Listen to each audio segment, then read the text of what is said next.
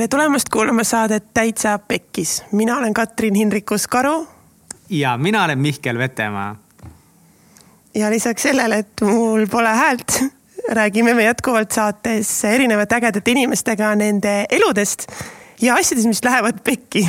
ja miks nad pekki lähevad, kuidas nad pekki lähevad ja kas sellest kõigest saab ka välja Mihkel ja mina olen Miikel Öötamaa taaskord, kes sundis Katsi lihtsalt selle vigase häälega seda introt tegema. ja oh my god, see oli väga vahva intro meil täna saates, täna saates mitte keegi teine kui Evelin Veermets. oh, seda suutsid jah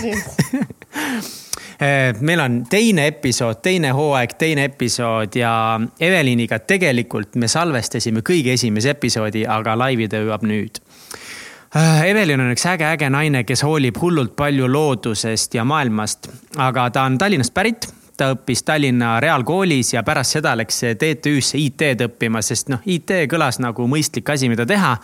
aga IT-st ta sai aru, et ta arvas, et see on nagu mingi Photoshop ja piltide tegemine ja muu selline.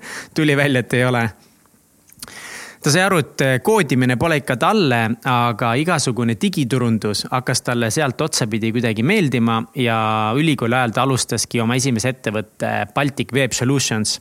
kõlab nagu üliuhke nimega, sest papa ütles, et see on hea plaan panna firmale kõva nimi ja selle firmaga tegeleb siiamaani ja ta pakub ettevõtetele digiturundusteenuseid ja tal on päris hästi sellega läinud aga mis on eriti lahe, on see, et ta pool aastat tagasi alustas oma teise väga südamelähedase ettevõtmisega, mille nimi on Zipit. Eh, nagu ma enne mainisin, siis Evelin on hullult äh, looduse armastaja, hullult, see kõlab nagu hull negatiivselt. Kats lõi pea vastu tooli ära. Evelin ühesõnaga hoolib maailmast, ta tahab, ta tahab teha kindlaks, et ka tema lastel oleks võimalik nautida seda maailma, nagu meil on.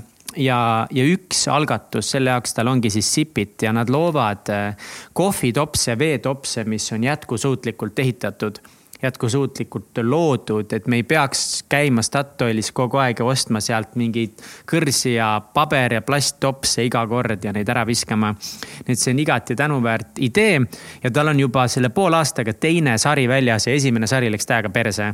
seal, aga see, mis ma ei hakka isegi rääkima, sellest räägib ise, mis pekki läks.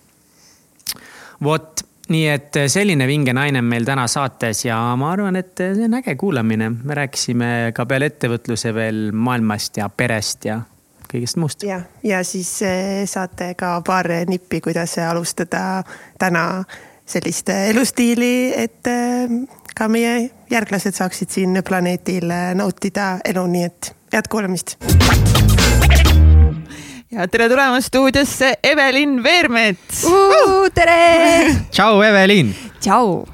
Yes. mulle meeldib karjuda inimeste nimesid alguses see äratab üles kõike. et see tõmbabki podcast'i käima, vaata. ongi, meil on praegu laupäeva hommik kümme kolmkümmend kolm, et te kõik teaksite, nii et meil on vaja energiat jah, ehk siis tere hommikust, tere lõunast, tere õhtust kõigile, kes seda kuulavad muul ajal.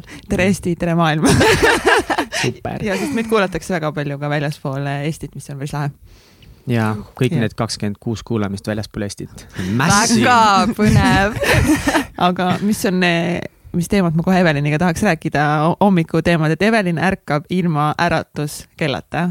mis värk sellega on äh, äratuskell lihtsalt tekitab minus või mingi ehmatuse peale ärkamine paneb südame puperdama ja mu päev lihtsalt läheb kohe pekki, kui, kui äratuskell mul lihtsalt tiriseb ehk siis äh, ma jah, ma usaldan iseennast, et kui mul on äh, tõesti vaja hommikul väga vara kuskile kohtumisele või ma ei tea, lennukile jõuda, et siis äh, ilmselgelt ma panen igaks juhuks selle äratuskella, aga Mihkel. aga üldjuhul ja, et äh, ma ei äh, ma ei sea endale kohustust ärgata kell viis või kell kümme või mis iganes, et kui ma ärkan kell viis, siis see on okei okay,, aga kui ma ärkan kell kümme ilma äratuskellata, siis see on ka okei okay ettevõtja hea elu. kuidas? jaa, väga hea elu, väga hea ettevõtja elu. ei nagu, kuidas sa sellega alustasid ja nagu, mis kell, mis kell sa siis tavaliselt ärkad? jaa, oota, kas sa koolis käisid samamoodi? ei, ei, ei, ei, siis oli ka äratuskell, aga ma arvan, sellepärast äh, oligi raske kooli hommikutel nagu lihtsalt no konkreetselt mul hakkab süda puperdama, et mul hakkab paha. ja siis, kui veel muud asjad ka lähevad sealt äh, peki hommikul, et ei söö õigesti hommikusööki ja ja siis jooksed veel bussi peale ja jääd sellest maha, et siis äh, ma- päeva algus on nii oluline, kuidas see, kuidas see kickstart on, ehk siis äh, aga ei, ma arvan, et ma hakkasin ilma äratuskellata ärkama siis, kui äh, see ettevõtja elu minuni jõudis.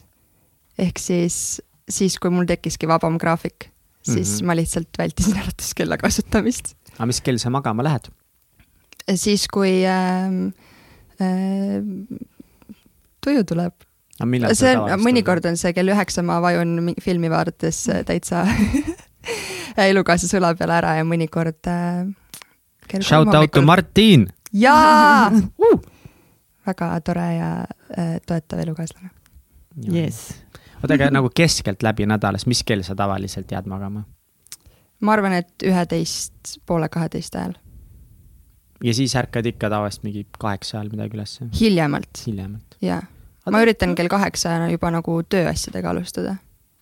et isegi kui ma ei ole, Martin magab kaua hommikuti, ehk siis äh, isegi kui ma ei lähe nagu tööasju kuhugi, kas äh, ma ei tea, kohvikusse või kööki laua taha tegema, siis ma kell kaheksa vähemalt olen valmis meilidele vastama, mis on tulnud öösel hilja, kes töötavad öösel hilja. ärge töötage öösel hilja, kui te just ei tee oma business'it, nagu siis alguses, vahepeal peab, aga ärge nine to five asju küll pärast viite tehke, jah, ma olen väga nõus sellega. on ju.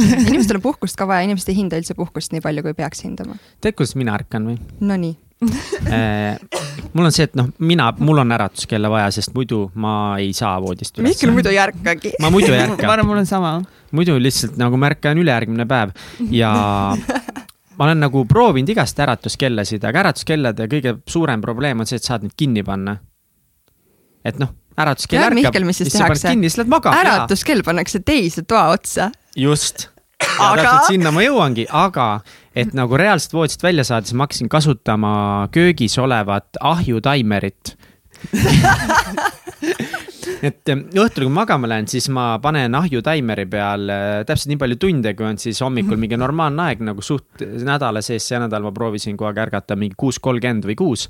Siis ma panen vastu palju tunde ja siis, kui see aeg kukub hommikul, voh, voh, ma ütlen teile. ja ma niimoodi plaksti sekundiga ma hüppan voodist välja, sest see lärm ei ole talutav. siis ma lendan kööki sinna, löön ruskaga alati selle nupu kinni, aga it works. aga võiks olla vähemalt siis, et teed ahjuukse lahti ja värsked croissantid hüppavad ka välja. mine metsa, aga ma ei söö hommikust enam, nii et äh, selles mõttes see ei toimi. Hommikusöök on oluline, Mihkel.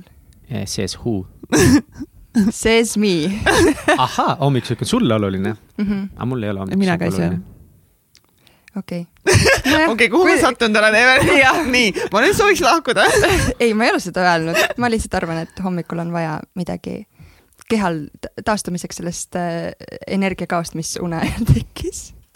Uh, ma olen nõus, ma teen sihukest asja nagu intermittent fasting ja nagu põhimõtteliselt seda võib teha ükskõik kuidas, et oluline on anda oma seedesüsteemile nagu noh, selles mõttes, et ühesõnaga, Mihkel on, lihtsalt trendidega kaasa läinud. ja ma olen trendidega kaasa läinud ja ma olen alati tegelikult nagu paastumine on nagu suht sihuke paarsada tuhat aastat vana hea trend, mida inimesed teinud on, et see mulle meeldib see, aga seda võib teha samamoodi, tegelikult normaalne olekski võib-olla see, et sa sööd kell mingi viis-kuus õhtusööki ja siis sa sööd hommikul Mhm. mm. mingi kell üheksa, ongi kuusteist tundi seedesüsteem saanud puhata ja see circadian clock ja kõik toimib päris hästi, aga kuna mul lihtsalt nagu mul ei tule välja see varaõhtu söömine kõht läheb tühjaks ikka ja, teile. ja no ja nii hilja on trennid, asjad nagu.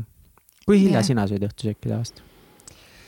Martin lõp-, lõpetab töö kell kaheksa, ehk siis ta jõuab koju pool üheksa ja siis äh, me sööme õhtust, nii et väga hilja. On ju raske süüa? on, on, on raske, aga mm, sellepärast seda, et ma läheksin varem magama, tuleb ka väga-väga harva ette. mm. -hmm. et lihtsalt ei saa minna täiskõhuga magama ja tegelikult ma, ma tunnen ise, et ma ei ole ka see kell üksteist valmis pärast õhtusööki magama minema, et ma võiksin veel üleval olla. aga miks ma hommikul ikkagi söön, mitte küll, ma ei söö kell kaheksa või kell seitse või kell kuus, kui ma ärkan, pigem kümme, pool üksteist mm.. Mind lihtsalt teevad nii õnnelikuks mingid äh, värsked marjad ja puuviljad ja avokaado ja ma lihtsalt ei jõua ära oodata, et värskeid vilju süüa, sest see teeb mind nii õnnelikuks. ehk siis see on põhjus, miks ma hommikusööki söön. väga nunnu, sa läksid tore. näost nii särama lihtsalt selle peale. kui te kõik, äh, jällegi, meil on videot vaja, sellepärast et seda kaunist säravat nägu lihtsalt nagu, kui ükskõik kui halb päev kellelegi praegu on, kui te oleks praegu Evelini näinud, siis jaa. Päike Siis oleks- tulnud teie südamesse Täiega tore. armas. mulle hullult meeldis hommikusööki süüa, ma nagu enamus oma elust ma olen hommikuti hullult tõginud, sest see on kuidagi nii mõnus ja samamoodi ma ootasin hommikusööki, aga ma hakkasin intermittent. õgimine on mõnus. jaa, on, nagu ma sõin mõnikord metsikult palju hommikuti, sest kuidagi hea oli ja ma arvasin, et teistmoodi ei saa, aga kui ma hakkasin fast ima, siis äh, kuidagi nagu ma ei tea, ei ole vaja enam. ja ma olen üllatunud üldse. Aga igaüks ongi erinev ja kõigile Jaa. sobib Mm. erinev, et peabki Täiega. kuulama oma keha ja mis sinu organism vajab. nii et aga kust äh, sinu erinevused ja veidrused ja kiiksud tulnud on, ehk siis lähme lapsepõlve. kust sa pärit oled? ma olen Tallinnast pärit oh,. ja jess. Tallinnas sündinud, Tallinnas kasvanud, juured on ka kõik Eestist äh,, Lõuna-Eestist enamus. Aga jah, Räpina ja sealtkandist. oo, aga muidu, muidu olen ja tallinlane, täitsa eluaeg olnud. okei okay., kus sa koolis käisid? Tallinna Reaalkoolis esimesest kaheteistkümnenda klassini kuidas sa reaalkooli sattusid, miks just reaalkool? ähm,. mu vanematel on kõrged ootused olnud alati minu osas, seda si siiamaani tegelikult, aga äh, ju siis nad arvasid, et minus on seda äh, südikust reaalis ellu jääda ja siis mind lükati sealt uksest sisse ja ei oodatud, oodati ukse taga, et Ei oodatud, et sa koju tuleks. jaa, oodati ukse taga enne, et ma siis välja tuleksin ütlusega jah, mind võeti vastu mm.. aga kas see oli äh, väiksena nagu suur surve ka, kui oli sellised kõrged ootused? ma arvan, et mis tahes ootused on alati nagu kelle, mul on lihtsalt komme või selline suhtumine, et ma tahan teiste ootustele vast-, vastata Mm -hmm. ja siis see paneb endale mingi pinge peale ikka ähm,. tagantjärgi ma vaatan, et võib-olla mina tulevikus oma lastele nii kõrgeid ootusi ei seaks, samas kui mu vanematel ei oleks nii kõrged ootused olnud minu osas, siis ma kindlasti ei oleks siin, kus ma täna olen. ehk siis ma olen ikkagi lõppkokkuvõttes neile väga tänulik selle eest Mm -hmm. No kuidas su koolielu välja nägi, kas sulle meeldis koolis käia reaalis eriti, see oli vist suht raske, ma olen nagu kuulnud, ma ei tea väga midagi sellest. Uh, mm, raske on, ma arvan, igal pool ei ole vahet, kas sa käid reaalkoolis või mis tahes muus koolis, et äh, Tartu Forseliuse gümnaasiumis oli megalebo. ma ei aga võib-olla lihtsalt sa olid väga tubli. Nope. kindel ei. no ma ei, reaalkool on nii-öelda siis loetakse üheks eliitkoolidest, eliitkoolideks ja ma olen täiesti kategooriliselt selle tiitli või selle loosungi vastu, et ma arvan, et sellist asja nagu eliitkooli ei tohiks kasutada, see on, paneb nagu pressure'it peale lastele ja vanematele ja see justkui äh, tekitab Eesti koolisüsteemis seda kastisüsteemi, mis on Aasias, eks, et ma arvan, Mhm. et sellist asja ei tohiks olla, et kõik koolid on võrdsed, lihtsalt võib-olla mõnes koolis on natukene pädevamad õpetajad ja sellest sõltuvalt on ka tulemused koolis õppijatel paremad. Katsi on häirinud või no ei ole häirinud, tead sa ei ole öelnud, ma ise praegu mõtlesin välja selle fakti sorry, ma valetan. noh, Kats on välja toonud, et viimastel vestlustes ma alati tsiteerin ainult ühte raamatut. ja see on see mindset'i raamat, mida ma loen ja seal nagu jälle mul tuleb meelde see, et kui sa paned nagu lastele peale mingisugused väga tugevad tiitlid, et siis see tegelikult pärsib väga nende lapsi, et eriti näiteks see, kui sa ütled, et sa oled eliit mingitel hunnikutel lastele mm, -hmm. siis neil kipub juhtuma see, et äh, nad hakkavad arvama, et nad ongi eliit ehk neile peavad asjad kergelt tulema ja kui nendele mingi asi järsku ei tule kergelt, siis nad ei oska sellega enam nii hästi vaeva näha või nad pigem tahavad sellest loobuda või nad ei noh, nad ei naudi seda õppeprotsessi enam, sest nad justkui peaksid eliidid olema, neil justkui peaks olema talent kõige jaoks ja ja vastupidiselt samamoodi. jaa, ma olen nõus sellega, et aga selles suhtes, mis nagu minu kooliteed puudutab või see, ma võt-, ma võtsin seda lihtsalt, et see eliitkooli tiitel on tulnud viimase, ma arvan, et kümne aasta jooksul nagu rohkem esile, et siis, kui ma läksin reaalkooli, siis see oli lihtsalt reaalkool Hmm. mm.. et ma ei võtnud seda, kui et äh, ma nüüd olen tohutu eliit ja ma olen mingi megaego, sellepärast et seda ei ole mul kunagi olnud äh,. jah jah, aga see isegi nagu küsimus ei ole siis selles, et nad egod on, aga see pärsib nende, noh, vähemalt nende teadusuuringute järgi, et see võib pärssida nende laps, laste nagu sihukest eh, tahet eh, raskeid ülesandeid lahendada, et mitte, et nad ei lahendaks seal, nad lahendavad päevast läbi seal raskeid ülesandeid, aga see nagu võib tekitada seda tunnet, et nagu neil peavad asjad lihtsamalt tulema, sest nagu okei okay,, et ma olen selles heas koolis, et ma justkui peaks nagu targem olema mm.. et versus, kui lastele kogu aeg rääkida, et nagu kõik on võimalik, kui sa näed vaeva ja no vaeva mm. näha nagu lahe, on ju. aga noh, see on jah, võib-olla viimasel ajal nagu kuidagi rohkem tulnud välja, aga kuidas sul nagu oli vanematega, kas sa vahepeal nagu tundsid, et sul on veits kopp ees ka sellest pressure'ist või sa ise nagu pigem olid samamoodi, et mingi oh, nii tore, ma tahan täiega vaeva näha kõigega? laps ei võta seda kui vaevanägemist, sest kui see on sinu jaoks norm, et sa lähed kooli, sa pead õppima, õppima maksimaalsetele tulemustele, pärast kooli sul on tund aega teha koduseid töid, siis sa lähed trenni, kus sa pead andma ennast maksimumi, sest võistlustel muidu sa jääd lihtsalt pingile siis järgmisel päeval sul on äh, laulukoor või mingi tund, äh, kus sa pead ka endast maksimumi, sest laulukarusselli võistlused on ukse ees. ehk siis lap-, nagu see kõik ilmselgelt on pressure, aga laps ei tunneta seda nii või mina ei tunnetanud seda nii, et see oli minu tavaline elu.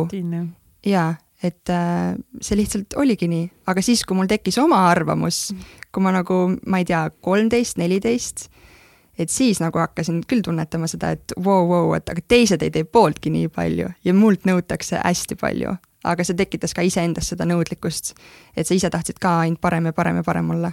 aga kuidas Kõiges. sa hakkama said äh, oma selle arvamusega versus nii-öelda vanemate arvamusega, et kas need clash isid ka omavahel kuidagi? muidugi, siiamaani crash ivad vahel räägi meile mõnest crash'ist, kas oli mõni suur crash ka või?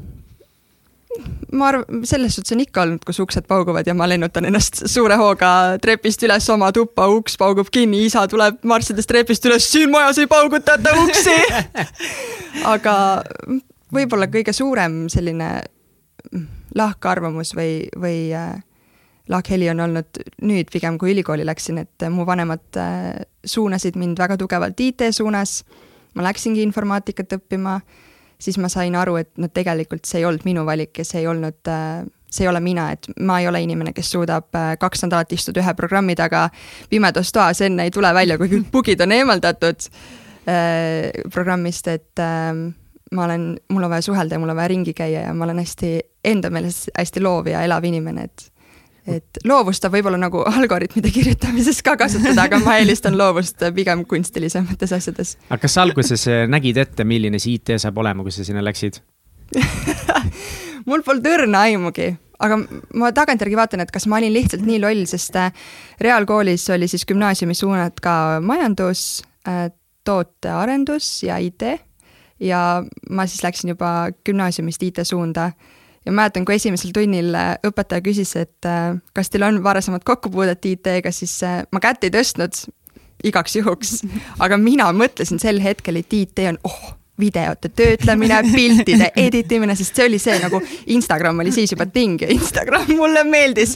mul ei, mul tõesti ei olnud õrna aimugi, mis asi programmeerimine on, ma polnud kuulnud ka, ma arvan, sellist sõna, ma olin kuskil mulli sees elanud ilmselt aga mul on väga hea meel, et ma ei tõstnud kätt ja ei, ja ei avaldanud oma arvamust oma kogemuse koha pealt, mul oleks siiamaani väga piinlik. aga noh, nüüd said kõik sellest teada, selles suhtes vahet ei ole kas sa väiksena mõtlesid, et sinust saab laulja või iluvõimleja, sest sa oled mõlema nende aladega ikka päris pikalt tegelenud mm,? Need mõlemad on mulle hästi palju võimalusi andnud eh, hilisemas elus, või noh, ma räägin nagu ma oleks ilgelt vana, lihtsalt ma olen muusikalidesse saanud mängima tänu sellele ja vahepeal suvel laevashow's äh, töötanud laulja ja tantsijana, mis on nagu töökohana väga äge, see on selles suhtes easy money mulle sel hetkel oli, et lihtsalt suvel töötad laeva peal ja teed, viskad jalga ja keerutad ja laulad paar laulu aga täna ma neid asju enam ei teeks ja ma kunagi ei näinud ka ennast laulja või,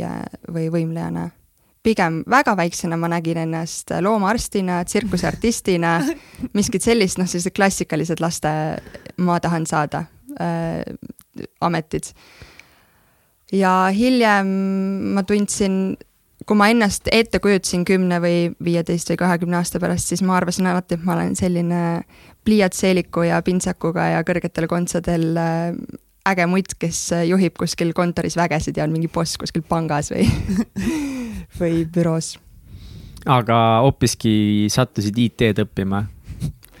jah, ei no selles suhtes, et jah, programmeerija võib ka seal mingi kontsadel pintsakuga naisterahvas projekte juhtida ja ma ei tea. mm. aga kuidas siis see läks, see esimene kursus sinu jaoks? esimene kursus oli täitsa okei okay veel, esimene semester oli õigemini vist päris okei okay,, sest hästi äge punt oli meil klappisid või kuidagi sattus kokku, et IT-s võetakse hästi palju tudengeid, sest see on hästi prestiižne eriala, keda vajatakse väga palju. ja meil sattus väga äge punt, kellega me üksteist äh, push isime ja aitasime ja tegime töid koos ähm, siis kõikidel tekkis äh, arusaam, et IT vist ei ole päris nende ala, kes läks õigust õppima, kes läks äh, lihtsalt vahetas äh, TTÜ-s või TalTechis siseselt eriala. ja siis teine semester oli juba veidi keerulisem, sest kui ei ole push ivaid taustajõude, siis endal ei tule ka nii hästi välja, eriti kui see teema ei ole kakssada protsenti selline, mis sind väga huvitab. ja noh, siis pärast esimest aastat ma saingi aru, et IT vist ei ole päris see, aga kuna vanematele ka nagu väga ei taha mm. seda pahameelt valmistada sellega, et ma nüüd ei, ei õpi enam IT-d, siis äh, ma mõtlesin, okei okay,, informaatika mul välja ei tulnud, ma lähen siis äriinfotehnoloogiasse. Ja see esimene, siis ma sain nagu edasi minna, et äh, hästi palju esimese aasta aineid kat- äh,, kattusid. Informaatikas ja äriinfotehnoloogias ja siis äri-IT esimene semester oli ka okei. okay jälle olid mingid vahvad inimesed ja vahvad ained ja sai nagu selliseid loovamaid aineid ja, ja põnevamaid aineid minu jaoks äh, tehtud. ja siis ma avastasin ennast äh, teise aasta lõpuks kohast, kus äh, äh, muidu oli kõik väga tore, aga mul olid tegemata kõik mingid kõige rõvedamad matemaatikad, kõige rõvedamad füüsikad ja noh, siis see jäigi nii. nii nad jäid? siia, nad ootavad veel mind. Nad ootavad. ma ei ole alla andnud enda osas, ma arvan yeah., et see on see story, mida me räägime endale. ja vanematele. ja vanematele, täpselt. ei, kuule, eh, Evelin, vanemad, kõik on korras, see on, see on andnud praegu pooleli, see on pooleli Oot, ootab. aga kus see clash oli seal vanematega just selles IT osas või hariduse, kõrghariduse osas mm,? ilmselt see oligi pärast äh, esimest äh, aastat ülikoolis, et ma esitlesin või presenteerisin vanematele oma ideed minna informaatikast äriinfotehnoloogiasse, juba neile tundus see nii suur kukkumine päriselt? jaa, et äh, aga samas ma ei, ma ei, ma täna vaatan tagasi ja ma ei kujuta ette, kui ma ei oleks IT-d õppima läinud, mida ma oleks õppima läinud, sest mul puudus täielikult arusaam maailmast või mida ma tahan teha või kuhu ma tahan jõuda. et ma täna ikka mõtlen, vahepeal ärkan üles ja ma ei saa aru nagu, kuidas ma siia jõudsin, sest ma ei ole kunagi planeerinud ettevõtjaks hakata, mitte kunagi. mul on küll isa on ettevõtja ja, ja lähedal on olnud inimesi, aga ma ei ole kunagi unistanud ettevõtjaks saamisest, mitte kunagi. ja ma ei kujuta ette, kui ma ei, ma tõesti, ma ei oleks IT-d läinud õppima.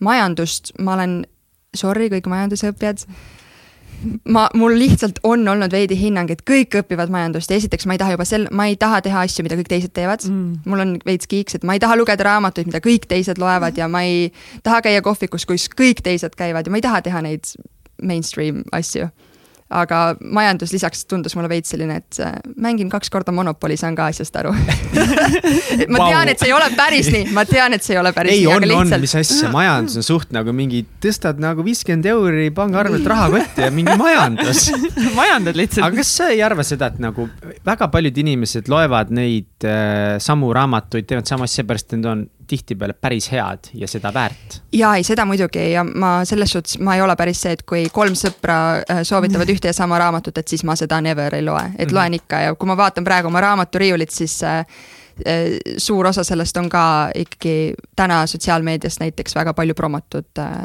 kirjandusteosed. ja et... mingeid kohti ja asju lihtsalt promotakse nii palju üle, et sellest saab kuidagi nagu mingi megaveider teema, siis ma tean, et just äh, Liisa Ennuste ja, tegi, eh, kirjutas Instagrami, palus, et eh, inimesed kirjutaksid, millised nagu nad on siis jätnud tarbimata mingeid brände, mida on nii-öelda üle promotud ja noh, Daniel Wellington näiteks, millega mul on ta nagu täpselt sama. mul on allergia juba selle kellabrändi suhtes. jaa, sest ta on nii jõhkralt lihtsalt üle promotud ja seal oli nagu teisi brände ka. ja eile just Lotta Kirkega rääkisime ka, et Lottadest, et nagu ta täiega tahaks baalile minna, et aga ta ei tea, see tundub nagu nii mainstream koht juba, et nagu kõik lihtsalt lähevad sinna, kõik on mingi oh my god, Bali. siis ma mingi ei suva, Bali on lahe, ma tahan täiega minna sinna muidugi, kui see on midagi, mida sa tahad ja. teha, siis peaks olema täis savi nagu, kas teised on teinud või mitte et sa ei saa sellepärast minu meelest hakata on oma soove nagu et võib-olla ongi see, et millele sina ka siin vihjad, on võib-olla see, et hoida nagu mingit kerget analüütilist mõtlemist, et kas asi on midagi väärt või see on lihtsalt üle promotud, et kurat, kui Paali on ikka sitaks lahe koht ja seal on mõnus, siis no ma tahan küll minna sinna. ja, ja ma arvan, et ükskõik kuhu kohta reisimine, olgu see lihtsalt, ma ei tea, tallinlased lähevad Tartusse või, või me lähme Paalile või Islandile, kuhu iganes, siis reisimine ei ole kunagi asi, mida võtta sellise hinnanguga, et ma ei lähe sinna, sest teised käivad. ma arvan, et maailma on vaja võimalikult mm -hmm. palju, eriti looduskohti näha, enne kui kõik see hävib. jah, ma ei taha nii negatiivselt öelda, aga ma natukene kaldun sinnapoole, jah. see oli väga hästi öeldud iseenesest. avastage maailma aga kuidas sina avastasid ettevõtlust, sa oled äh, ülikoolis, sa tunned, et need asjad ei ole üldse sulle tegelikult, sa ei ole planeerinud kunagi ettevõtjaks saada, kuidas see kõik algas? ma käisin äh, kaks ja pool aastat oh,, ei, kaks aastat tagasi äh, Aasias äh,, ei, ma jah, Aasias jaa, aga ma käisin äh, Tais äh, ja siis äh, mul tuli seal nii põnev mõte. Ma arvasin, et ma hakkan nüüd ettevõtjaks, ühesõnaga, et ma teen Eestisse smuuti kausi kohviku mm. mul, ma olin täitsa, mul oli juba peas valmis, ma juba põhimõtteliselt ostsin endale äh, mõtetes äh, kohviku interjööri ja, ja palkasin töötajaid. ja siis ma tulin tagasi, mul on üks äh, lähedane tuttav on catering'i business'is ja siis ma hakkasin mõtlema ja kaaluma, sain aru, et see on ikka päris rets business nagu kõik need Veterinaar- ja Toiduametid, töötajad, toorained, asjad, et smuutikauss on äge küll, aga noh, Eestis ei ole aastaringselt vaarikaid ja maasikaid ja ma ei tea, passioone puu otsast ja põõsastelt korjata.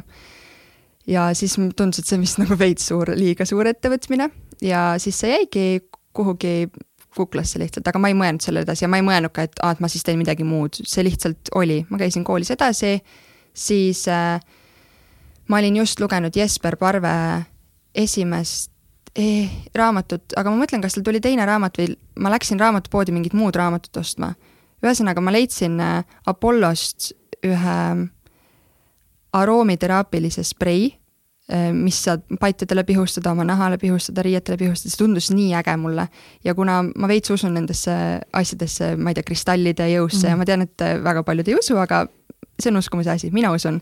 ja aroomiteraapia mulle ka väga meeldib. Ja siis ma ostsin selle sprei, kusjuures see oli ka veel nii naljakas, et äh, hin- äh,, seal hinnasildi peal oli üks hind, ma läksin kassasse, siis tuli välja, et see on teine hind, ma mõtlesin, okei okay,, siis ma ei osta, see oli kaks korda kallim, mõttetu. Läksin poest välja, see ei kripeldanud, ma mõtlesin, oh, ma lähen tagasi, ostan ikkagi. Ja siis ma läksin koju, ma katsetasin seda, see oli nii äge toode, see tõesti oli äge toode. Ja siis ma mõtlesin, et oh, et mulle meeldib häid asju teistega jagada, ma postitan sellest Instagrami tegin siis ilusa pildi ja hakkasin story des siis tag ima seda firmat ja vaatasin, et öö, mis mõttes seda firmat ei ole. et sellel firmal ei ole Instagrami, kuidas nii saab, täna on kõik sotsiaalmeedias, et nagu see lihtsalt ei ole. ma otsisin igalt poolt, sest peab olema, kõigil on Instagram, come on. Ja siis, ma tean, Martinil ka ei ole. Mul on alati igalt poolt üks like puudu, tema like on igalt poolt puudu. aga jah, siis äh, samal õhtul mõtlesin, et aga kui neil ei ole Instagrami ja mulle meeldib sotsiaalmeediat teha, sest ma olin ise enne bloginud ja tegi, teinud aktiivselt oma sotsiaalmeediat äh,. Wannabe influencer äh,, mis ja ma ei tahtnud endast väga brändi luua või iga influencer kind of on bränd mm. -hmm. ja ma ei tahtnud seda, ma tahtsin ise olla tagaplaanil, aga tahtsin kõiki neid samu asju teha. siis ma mõtlesin, et okei okay,, ma ostsin selle toote, mis mulle meeldib ja neil ei ole Instagrami ma lihtsalt kirjutan neile ja pakun, et ma teen neile Instagrami. ja Nii. kõige esimene äh, äh, siis approach, mis ma tegin äh, sellele kõige esimesele brändile äh,, helistasid mulle järgmine päev, me saime ülejärgmine päev kokku ja üle-ülejärgmine päev ma registreerisin firma ja siis nädala aja pärast hakkasin neile teenust pakkuma wow.. kuidas sa kirjutasid neile, kuhu sa kirjutasid neile? ma kirjutasin nende info meilile et.... ja lihtsalt omaenda meili alt? jah, lihtsalt omaenda meili alt et äh, neil on väga äge toode äh,. alati tuleb teha hamburgeri efekti, ehk siis sa ütled midagi väga head, siis sa ütled midagi, mida sa tahad või midagi, mis on negatiivne ja siis sa ütled jälle midagi head. ehk siis minu see ma tahan oli seal keskel selle Biffi koha peal hamburgeris, et äh, teil ei ole sotsiaalmeediat, aga ma teen nice. ja see juhtus äh,, äh see brändi äh, omanik äh, oli üks väga vahva naisterahvas äh, hästi-hästi tore inimene, täna see bränd enam ei tööta. ma ei tea, neil vist läks natuke kehvasti mm. aga nad olid mu kõige esimene klient, kõige esimene müügitekst või müügimeil, mis ma üldse saatsin. ja nad olid äh, üle poole aasta äh, mu kliendid, nii et. oota, aga enne seda vist sa olid ka olnud praktikal äh, Swedbankis? Ja no see oli. ja sealt sa nagu saidki ka aru seda, et, et see. ma olin äh, kaks aastat ülikoolis õppinud ja siis niikuinii oleks vaja olnud seda praktikat teha. ja Swedbank oli hästi promotud, neil on hästi äh, nagu, tundus väga lahe praktikasüsteem, et hästi palju tegeletakse oma praktikantidega. Äh, läksin suure hurraaga sinna praktikale, aga no ilmselt ma sattusin lihtsalt väga kehva tiimi, et suvel on niikuinii kõik puhkusel, aga praktikad on enamasti suvel ja kui sa üksi istud seal kontoris, sul ei ole ülesandeid, mida teha mm, või siis need ülesanded olid nii lihtsad, et ma tegin selle nagu oodatust kolme päevaga, võib-olla nagu kümne minutiga ära, äh, siis minu suvi Swedbanka praktikal nägi välja selline, et ma üheksast viieni scroll isin Delfit ja Postimeest, Facebook oli blokeeritud serveris äh, ja, ja siis ähm, jah, mul oli kuuekuune praktikaleping, ma pärast kolme kuud andsin lahkumisavalduse. saab praktika puhul öelda, et lahkumisavalduse või? või no ühesõnaga lõpetasin mm, -hmm. ütlesin, et aitäh head aega. Äh, lõin siis selle ukse selja taga kinni. ja ma mõtlesin, et kurat, kellegi teise jaoks ma küll enam niiviisi tööd ei tee. aga ma ei mõelnud sel hetkel, et see tähendab, et ma pean ettevõtjaks hakkama okay.. ma lihtsalt mõtlesin, et suured korporatiivid on ikka meganõmedad no mulle meeldib, et nagu see läheb natukese aega edasi ja sa alustad oma ettevõtte nagu lihtsalt päevapealt. sul ei ole mitte midagi, on ju, sul ei ole mingeid süsteeme välja mõeldud, sul ei olnud kodulehte, sul ei olnud emaili mm, -hmm. sul ei olnud firmat. äriplaan, mis äriplaan, see on? müügiteksti sa kirjutasid lihtsalt nii-öelda südamest, mis sa tahtsid öelda ja. ja hästi personaalse ja ma arvan, et mis täna äh, mind selle ettevõttega äh, PBS on äh, viinud nii kaugele, on Baltic Web Solutions. jaa, see personaalsus, et ma pakun oma klientidele, ma ei ole suur agentuur ja ma ei mängi seda. kuigi meil on, praegu meil ei ole töötajaid, aga meil on äh, alltöövõt-, nagu alltöövõtt mm, -hmm. et on inimesed, kes abistavad äh, fotode ja copywrite'i ja nii edasi. aga et see ei ole agentuur, ma pakungi personaalset teenust ja ma arvan, et kui, et asi saab olla väga hea kui sa oled hästi personaalne kliendiga, sa paned sinna sisse hästi palju oma tahet ja jõudu ja effort'it ja siis tuleb väga lahe asi sellest välja ka. ja kaua, kaua nüüd sa oled selle turundusettevõttega tegutsenud? Äh, varsti kaks aastat. kaks aastat ja sul läheb päris hästi sellega, olgem ausad. no läheb jah, natukene hästi, hästi. nii, tuleme vist korra tagasi selle pointi juurde, et äh, sa alustasid seda ettevõtet äh, null teadmiste, oskuste, kogemustega, olemata õppimata turundust mm, -hmm. jah üks turundusaine oli seal äri-IT-s jah, aga sul ei olnud nagu mingit hirme, et ma peaksin nagu omama mingeid teatud nagu konkreetseid teadmisi turundusest või ettevõtlusest või et sa lihtsalt võtsid selle otsuse vastu, ma nüüd teen, ma hakkan tegutsema, siis vaatame, mis saab. Ja.. jah? jah, ma ei, ma ei karda väga palju asju või, või võib-olla lihtsalt ma olin nii excited selle kogu asja osas, et mul ei olnud aega mõelda sellele, et mul on vaja mingeid mingeid oskusi või teadmisi, ma lihtsalt mõtlesin, et äge, ma teen. ma arvan, et lihtsalt ma, see ekstaas oli nii suur selle ettevõtte loomise hetkel ja selle pakkumise tegemise hetkel, et äh, ma ei jõudnud mõelda nendele asjadele. sa lihtsalt hakkasid tegutsema ja nende aastatega sa oled iseennast harinud, täiendanud ja mulle meeldib öelda, et äh, ega ma olen, ma ei, ma olen küll mingeid koolitusi teinud äh,, kusjuures naljakas on see, et ma ei ole käinud ühelgi nagu mingil suurel turunduskoolitusel, aga ma olen ise koolitusi andnud nüüd. võib-olla peaks natuke ennast harima, enne kui teisi koolitama hakkad. aga mm, ma arvan, et need läbi nende kogemuste ja läbi töö ma olen hästi palju õppinud. ja mingeid, mingites asjades, milles ma tunnen, et ma ei ole hea, siis ma lihtsalt palun neid asju teistel teha, et kui sa oled ettevõtja ja see on sinu bränd, siis sa tahad pakkuda maksimaalset teenust, sest sinu nimi on selle taga ja sellepärast on okei okay, nagu asjades, mida sa ei oska, paluda teistelt abi, et nemad, kes teeksid seda paremini, siis saaksid seda, sellega aidata. aga sa ei kartnud kunagi, et nagu nii palju on teisi turundusettevõtteid, turundusagentuure, freelancer eid, kes, kellel on palju rohkem teadmisi, palju rohkem kogemusi sa arvasid, et ma sellel hetkel teadsin neist kõigist või mul ei olnud isegi mingit pilti, et turul selliseid tegijaid on. ma teadsin, et on üks tüdruk, kes teeb ja siis ma teadsin, et on suured agentuurid mm, -hmm. aga need agentuurid ei paku personaalsust või seda personaalset teenust. pluss nad ei tegutse ka võib-olla selle väikse brändiga, et neil just, on suured kliendid. just, mhm. just et äh, ma siiamaani suures osas ikkagi tegutsen väikeste ettevõtetega ja mul on siiamaani seisukoht, et see on algusest peale olnud ja see on siiamaani nii, et ma ei võta endale mitte ühtegi klienti äh,, mitte ühtegi toodet, teenust äh, hallata äh, ja turundada, mis mulle endale ei meeldi. et mul on tulnud pakkumisi või siis päringuid näiteks ühelt alkoholibrändilt ja ma olen lihtsalt öelnud, et ei, see ei ole minu teema mm. -hmm. Te kindlasti leiate parema teenusepakkuja mm. -hmm. sest kui ma ise sellesse ei usu, see on, sa pead uskuma sellesse, mida sa müüd mm. -hmm. sul peab tooteusk või teenuseusk olema väga kõrge. Kui seda ei ole, siis sa ei saa seda hästi teha. kuidas sa endale kliente oled leidnud nüüd selle kahe aasta jooksul? alguses äh, mm, approach isin täpselt samamoodi meili teel, kui mulle jäi midagi ägedat silma siis äh, täpselt samamoodi kirjutasin väga personaalse äh, müügiteksti äh,.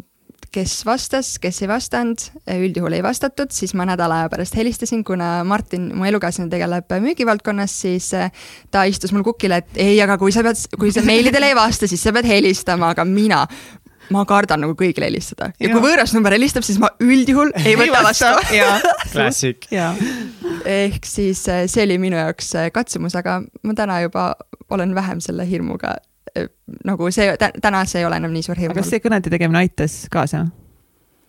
Eh, ja ma sain vastuseid ja kuigi ma sain hästi palju ei-sid, et meil on, kas keegi majasiseselt äh, tegutseb äh, turundusega või, või me lihtsalt ei soovi, meil, või meil ei ole ressursse, et vähemalt ma sain vastuse mm, -hmm. et äh, palju lihtsam on elada või nagu mõelda, et okei okay,, see oli ei, et siis ma tean, et see lihtsalt ongi, et mm -hmm. siis ma mhm. lähen järgmise juurde ja ei ja ja on kõige parem vastus, et see mingi -hmm. maybe ja. on täiesti mõttetu, see kulutab kõigi aega ja lõpuks mm -hmm. ei vii kuskile. aga kas -hmm. oma esimest müügikõne mäletad või? telefonikõne mm? -hmm kusjuures ma kardan, et ei mäleta. aa, valetan, mäletan küll.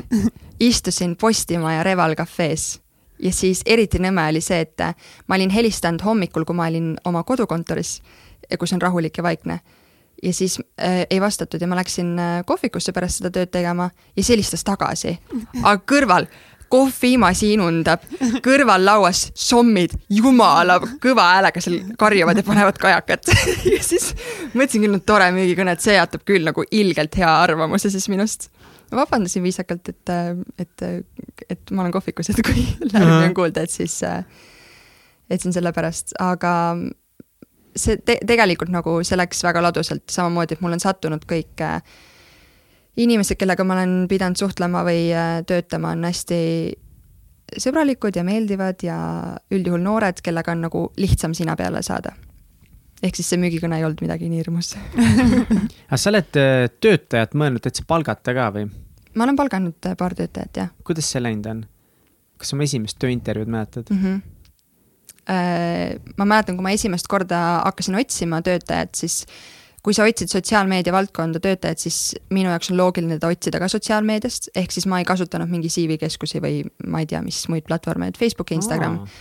ja äh, ma mäletan, et kõige esimene inimene, kes kandideeris, oli mu enda sõbranna. Äh,. Ma ütlesin talle viisakalt ei aitäh lihtsalt sellepärast, et kuna ma olen niigi uus selles valdkonnas nagu ettevõtjana selles mm. äh, positsioonis, et ma pean palkama kedagi, siis äh, ma kardan, et mul oleks sõbrannaga liiga raske autoriteeti kasutada ja paratamatult, et sa oled küll kolleeg ja sa oled sõber, aga sa pead mingis hetkes olema boss ja sõbrannaga oleks seda veits keeruline yeah. olnud teha. ehk siis ähm, ja siis hakkas nagu tulema, ju siis see atraktiivne pakkumine oli äh, kandideerimisavaldusi äh,. kuna see PVS sai asutatud täiesti nullkuludega ja kõige esimesed kulud, mis olid, oli domeeni ostmine ja veebilehe haldus, siis kontoritega midagi ka ei olnud, ma sain nende inimestega töövestlusi viisin läbi kohvikus mm,. aga mul oli kõige raskem, ma olen suhteliselt raske usaldaja ja end, eriti kui see on veel enda asi, see on sinu bränd, siis sa tahad, et see on maksimaalselt tehtud, ehk siis leida seda inimest, keda sa sada protsenti usaldad ja kelle äh, kellesse sa usud, et ta teeb seda vähemalt sama hästi kui mina, on päris keeruline mm. -hmm. aga ma leidsin need inimesed, ma leidsin äh, ma olen kaks, ei, kolm korda inimese värvanud. okei okay., minu kõige suurem küsimus, et kuidas sa suutsid neile palka maksta?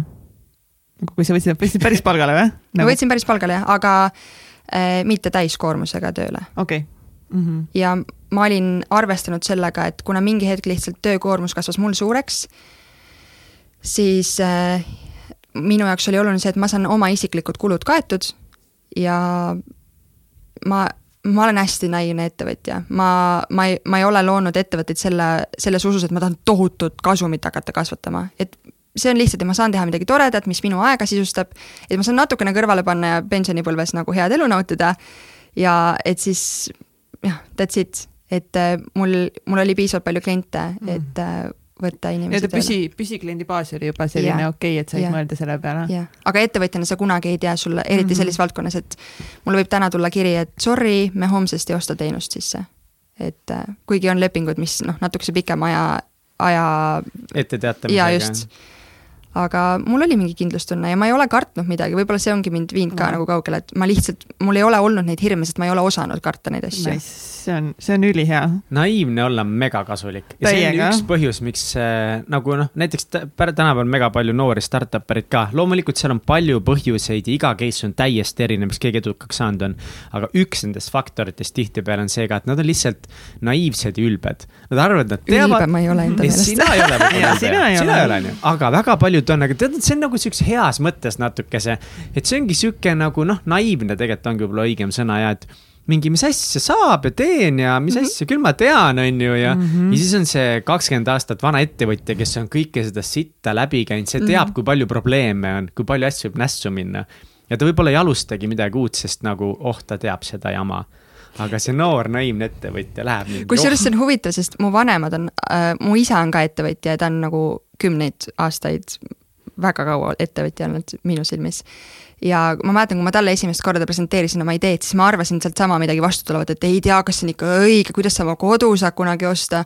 ema palgad, asjad, kui sa oled ettevõtja, noh siis nagu veits keeruline nende asjadega. ja, aga seda ei tulnud, mis on, see ei olnud üldse minu isale nagu tavapärane või omane suhtumine, et ta oli mingi oo, davai, muidugi tee.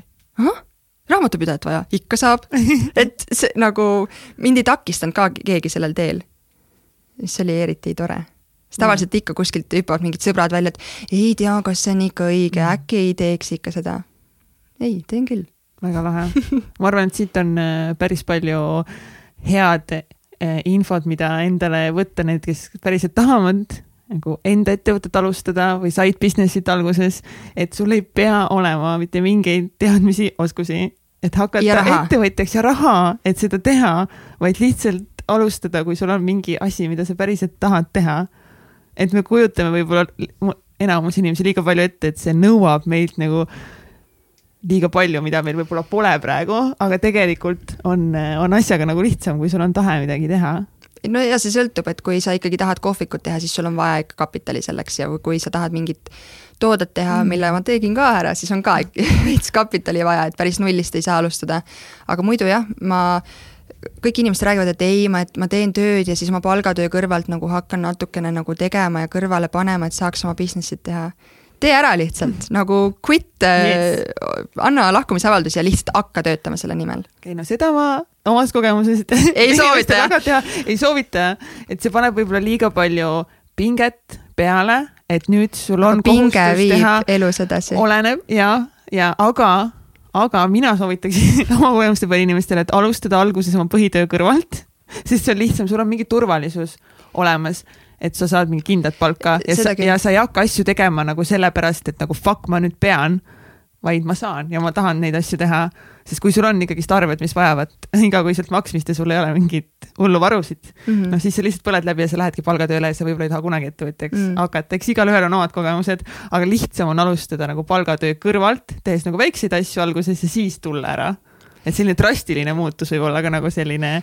mul oli kindl-, ilmselt, äh, ma olen nõus sinuga, mul oli lihtsalt kindlustunne alateadvuses see, et aga mu elukaaslane käib yeah. tööl ja ta teenib raha, et in case something, siis on vähemalt noh, ma saan oma nagu Mega mingid hea. elementaarsed vajadused täidetud mm. ja makstud oma asjad aga kas ähm, kuidas nagu sinu jaoks, sinu egol, et sa oled suhteliselt selles mõttes sihikindel naine ja ma tunnen, et sul on nagu mingid siuksed, sul on listid ja sul on väärtused ja muud asjad, et kas sul oli raske näiteks öelda esimest korda oma elukaaslasele, et kuule, et mul oleks võib-olla su toetust vaja?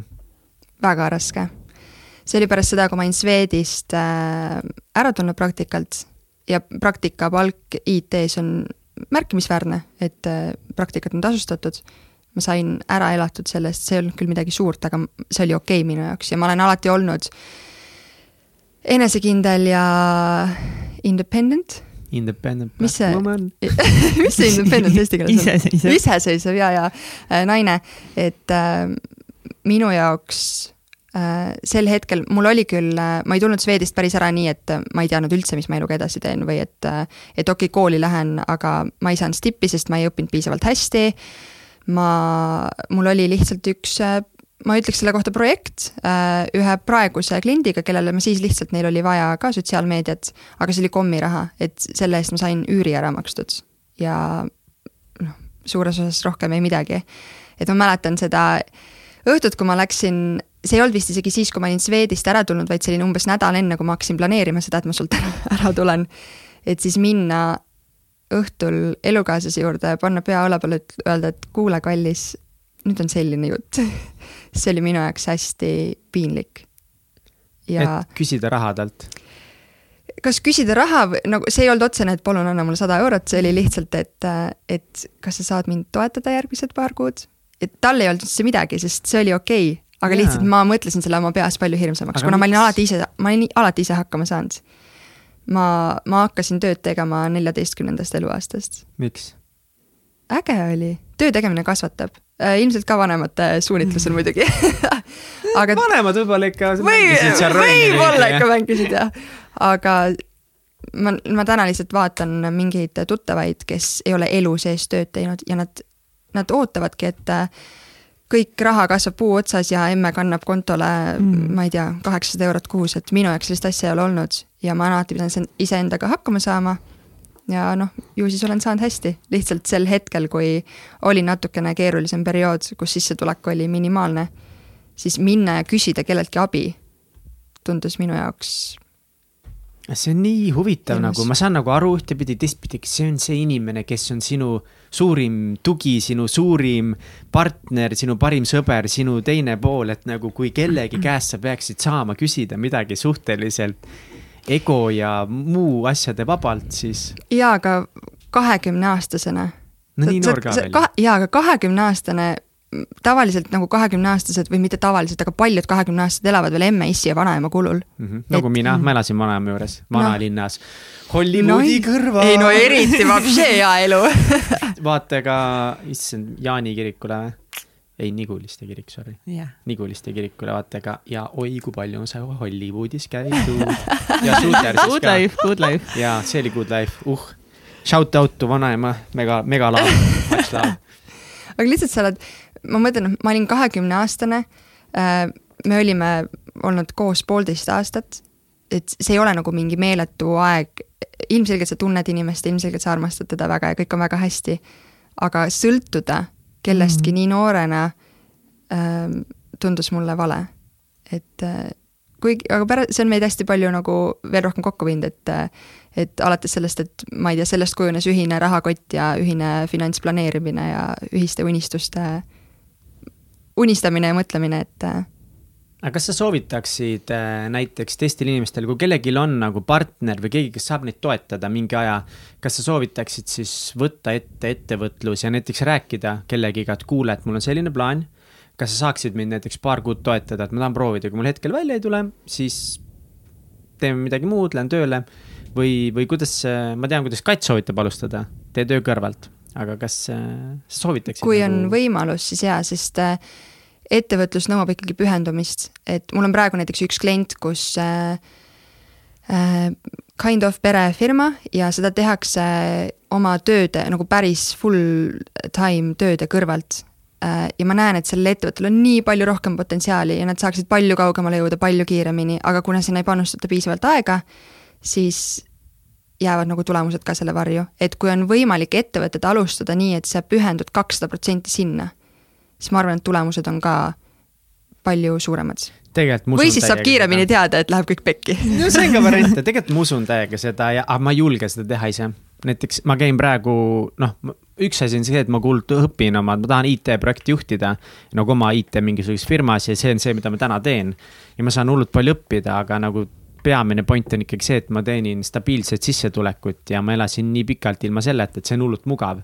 ja ma nii hullult kardan sealt ära tulla mõnes mõttes, et oma asja teha, sest nagu ma, üks osa minust ongi mm. see, et kui sa paneksid sada protsenti oma ajast umbes sinna, mis on kõik võimalik. ja teine osa minust on mingi, aga nagu nii mugav ja hästi ja. on nagu. aga ja, ma arvan, et uh, näiteks julge. kui sa suudaksid, ütleme, koguda raha niimoodi, ütleme nagu pool, pooleks aastaks või mingi kaheksaks kuuks et sa saad nagu ilma sealt ettevõttest seda raha nagu välja võtma, teenimata hakkama ja siis sa paneksid sada protsenti nagu noh, siis on kõik hästi.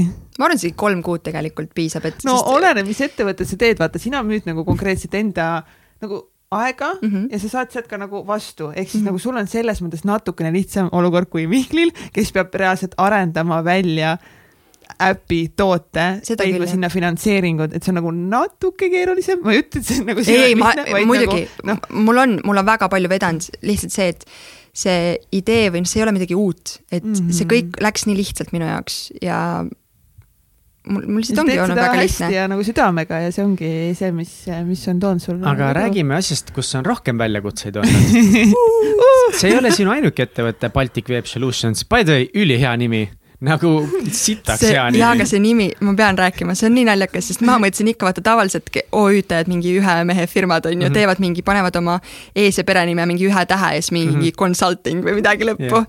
siis ma mõtlesin, et okei okay,, et mis ma panen nagu, kuna ma teadsin, et ilmselt see ainult turunduse keskes, keskes, keskseks ei jää, et sinna võib-olla tuleb ka mingi äh, veebilehtede ehitamine, midagi sellist kunagi juurde ma ei tahtnud panna midagi otseselt turundusega seotud. Ja siis ma lihtsalt helistasin isale, et kuule, issi, et mis sa arvad, et mis ma firma nimeks võiks panna, siis ta mingi, pane midagi suurt, sest esiteks midagi suurt näeb arvel mega hea välja ja teiseks, kui sul on suur nimi, siis äh, sa tekitad kohe sellega äh, usaldusväärsust ka mm. suuremates klientides. ehk siis see Baltic Web Solution äh, kõlas kõlas äh, minu jaoks piisavalt suurelt. ja, et see kõlab, joh, ei see kõlab nagu mingi megabüroo. nii kihvt. aga kuidas äh, tuli sinu järgmine ettevõtte idee, kuidas see kõik algas ähm,? Mm, nüüd aasta aega tagasi või tegelikult okei okay,, minu selline keskkonnalaadne äh, mõtlemine või lihtsalt keskkonnaarmastus ja loodusarmastus, see on vähemalt viis aastat olnud minuga äh, aga aasta aega tagasi ma võtsin vastu mingid nagu väga kindlad otsused, et, et ma ei tarbi mitte ühtegi kilekotti äh,. okei okay,, kui juhtub kuskil, et kogemata keegi paneb, siis ma lihtsalt ei ütle, et nagu, et mida sa tegid, et ma okei okay,, ma võtan selle kilekoti sealt vastu ja siis ma leian seal lihtsalt mingit kasutust. aga et ma ei osta kohvi, kohvitopsi, selles ühekordses kohvitopsis ja mingid sellised asjad ja sel hetkel, võib-olla see ei olnudki aasta aega tagasi, see oli veidi rohkem kui aasta aega tagasi, aga ma mäletan, et kui ma käisin Apollo, on mu lemmikpood, raamatupood seal sel hetkel ei olnud veel nagu mingi kõik riiulid erinevaid kohvitopsi brände täis. et seal oli küll mingid veepudelid ja mingid äh, need kaasaskandavad korduvkasutatavad kohvitopsid, aga neid ei olnud nii palju ja siis mõtlesin, et oh, kui äge oleks ühel päeval, kui oleks oma kohvitops. ja mitte selles mõttes, et oh, et ma saan siis kohvitopsi müüa inimestele, vaid see, et aga ma saan iga topsiga maailma päästa. ma olen, kui, kui mul küsitakse, kes ma olen, siis ma mitte kunagi ei defineeri ennast läbi töö või oma ameti, ma ütlen, ma olen ettevõtja, ma ütlen tavaliselt, et ma olen naiivne maailmaparandaja oh.. et või siis mu sõber ütles mulle, et ma olen äh, formaalne hipi mina ütleksin sulle, et sa oled struktureeritud hipi või no., midagi sellist, sama asi appi, ma olen tagunud seda mikrit nii palju, et see kukub lihtsalt alla vahepeal aga ühesõnaga siis äh, eh, jah, ma hakkasin mõtlema, et oo, äge oleks ühel päeval, kui oleks oma kohvitopsid oma mingi disainiga ja mulle selline loovkunsti teema meeldib e,. ja siis eelmise aasta lõpus, mul, mul oli olnud see mõte, et tahaks teha, aga ma ei olnud selle nimel tööd, tööle asunud konkreetselt, lihtsalt sest BVS võttis hästi palju energiat ja aega. ja kaks tuhat kaheksateist aasta viimasel päeval me olime võtnud koera endale mit-, paar kuud tagasi ja me ei saanud, kuna me ei teadnud, kuidas ta ilutulestikule reageerib, siis me ei saanud kodust ära minna aastavahetuseks, me olime kodus elukaaslasega ja mõlemad siis kirjutasime oma isiklikke to-do liste ja eesmärke uueks aastaks ja siis ühiseid eesmärke. ja lisaks muudele eesmärkidele mu isiklikus to-do listis oli äh, siis, et mul on teenust osutav bränd olemas, ma nüüd tahaks toodet ka. ja päris esimesel jaanuaril ma ei hakanud tegutsema, aga teisel jaanuaril ilmselt et ma hakkasin otsima potentsiaalseid äh, disaine, milline kohvitops võiks olla ja milline, kuna mul oli suur sulustus, ma mõtlesin, et oh, ainult, ainult kohvitopsist ei piisa, ma tahan veepudelit ja smuutitopsi ja mm -hmm. kotti ja -hmm. kõike tahan ühesõnaga ja hästi kiirelt ka, sest yeah, yeah. mul oli tunne, et nagu ilgelt kiire on, äkki tuleb keegi ja teeb ära. mis sest, et konkurente juba oli retsilt, vaata, ma ei, esimene asi, millega ma uue brändi või ettevõtte asutamisel äh, pekki keerasin, oli see, et mul oli nii kiire, mul oli nii kiire ja ma tagantjärgi vaatan, et aga miks mul oli kiire. ühesõnaga, mul oli ilgelt ruttu vaja siis tulla uue brändiga lagedale. ja siis äh, me leidsime veepudelid ja leidsime smuutitopsid ja siis me saime sinna peale mm, kujundatud nagu enda ähm, brändi imidži ja kõik nagu, kõik oli tore justkui, saime testtooted. aga kust te leidsite, how, how does one nagu, et kuidas see käib, et ma tahan nüüd teha oma kohvitassi, kust sa leiad selle kohvitassi? Läksid kuskile Jyski ja leidsid sealt kohvitassi või? jah, noh, nii päris ei ole. mis siis on see oli, see oligi nagu lisaks sellele ki kiirustamisele oli teine asi, millega ämbrisse astusin, see, et, et kui sa tahad, kui ma tahtsin äh, luua jätkusuutlikku ettevõtet, mis, mille tooted on jätkusuutlikud ja mis äh, aitab kuidagi maailma päästa, siis nad tegelikult nagu ära toot-, telli neid tooteid Hiinast, eks. ja, ja siis mõtlesime, et okei okay,, Hiinast ei telli, aga tellime UK, UK-st, Inglismaalt mm. -hmm. et seal oli, me leidsime ühe tehase, mis tegi toorikud siis nagu olid sellised, äh, mis me umbes tahtsime ja siis neid sai kujundada siis äh, vastavalt oma soovile materjale, natuke kuju muuta, kui vaja ja jah, siis äh, nendega koostöös justkui lõime selle toote ja need tooted, mis äh, mul peas tiksusid. okei okay,, nii. põhjus, miks ma räägin meist, on see, et äh, puhul on, osa sellest kuulub mu elukaaslasele ka natukene mm. -hmm. et lihtsalt, sest ta aitab mind müügi ja finantsvaldkonnaga seal mm. -hmm. aga siis me saime testtooted kätte ja kõik oli väga okei okay kas sa mäletad oma seda emotsiooni ka, kui sa selle karbi kätte said, tegid selle lahti ja võtsid omaenda disainitud ja ma mäletan, et Martin oli tööl sel päeval ja ma helistasin talle ja ma kiljusin, saad aru, minu joonistatud vaalasaba, minu joonistatud laine on topsi peal. See oli väga äge, sest see, et nagu teenust osutades sa näed mingit tulemust, aga toodet, see, et see on sinu tehtud või Kas sinu seda? nagu mõeldud, lihtsalt mm. sa hoiad seda käes ja mingi, aa, see on minu beebi ja see oli väga äge ähm, ja siis mingi okei okay,, teisttooted sobivad, käisime kohvi ostmas ja tops kuumaks ei läinud ja trükk maha ei kulunud ja tihend püsis ilusti veepudelil peal ja kõik oli super. okei okay,, tellime siis äh, ära need tooted, et äh, kakssada tükki müügiks. vaatame, kuidas läheb, et ei osanud arvestada, kas kakssada tükki toodet on palju või vähe äkki oli isegi kakssada viiskümmend tükki, kakssada, kakssada vist. noh, ja siis tellisime ära, ma mäletan, kui äh, kuller tõi need asjad mulle ukse taha, siis äh, mm, ta tõi need mulle koju, mul ei olnud kontorit või ladu või midagi mm. -hmm. vahepeal oli kodu nagu ladu.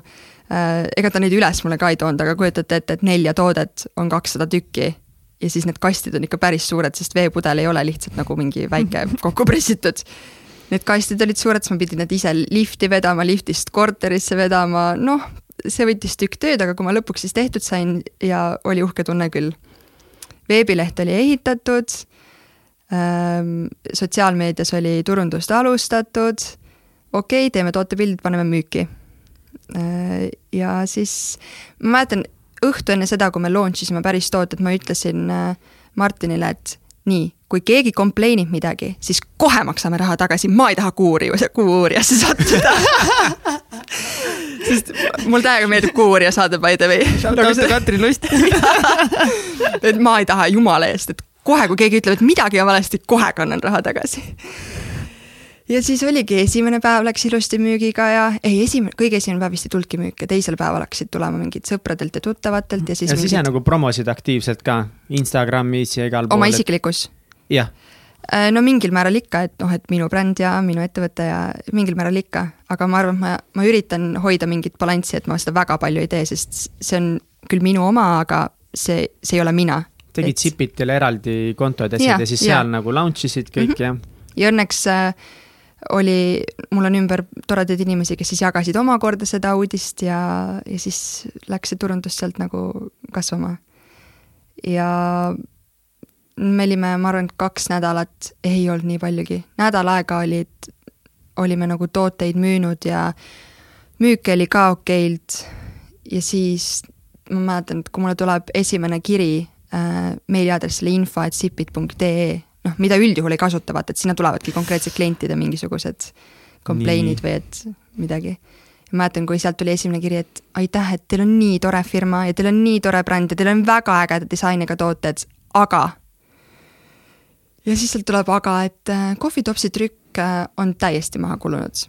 siis ma ütlesin, et nagu ei ole võimalik, et me testisime nii kaua, aga ma ei tulnud selle peale, et võtta siis sellest batch'ist, mis äh, nagu päriselt müüki läks, et võtta endale sealt uus tops ja hakata seda uuesti testima, sest kõik oli ju sama, nagu kõik mm. oli identsne ja siis, kuna me saatsime mingitele influencer itele pakke ja lihtsalt sõpradele-tuttavatele ka, siis hakkas sealt tulema ka, ka.. Mm -hmm. nii tore. no ei olnud, nüüd ma tagantjärgi kahetsen, et ma üldse kellelegi saatsin neid nii tore, me siiamaani kasutame, mis siis, et see on ära kulunud, see mm. logo sealt. nii, hakkas tulema no influencer itelt siis... kirju, nii, oota, üks tuli ära. üks tuli päris kliendilt, kes ostis, kes mm -hmm. ostis siis tuli, ma arvan, et kaks-kolm tuli influencer itelt, siis ma tõmbasin pidurit, esiteks ma tõmbasin kohe toote müügist maha. Õnneks meil täna meil on potentsiaalsed edasimüüjad, aga siis meil ei olnud nagu edasimüüjaid alguses plaanis ka, me lihtsalt tahtsime näha, kuidas veebipoes toode läheb.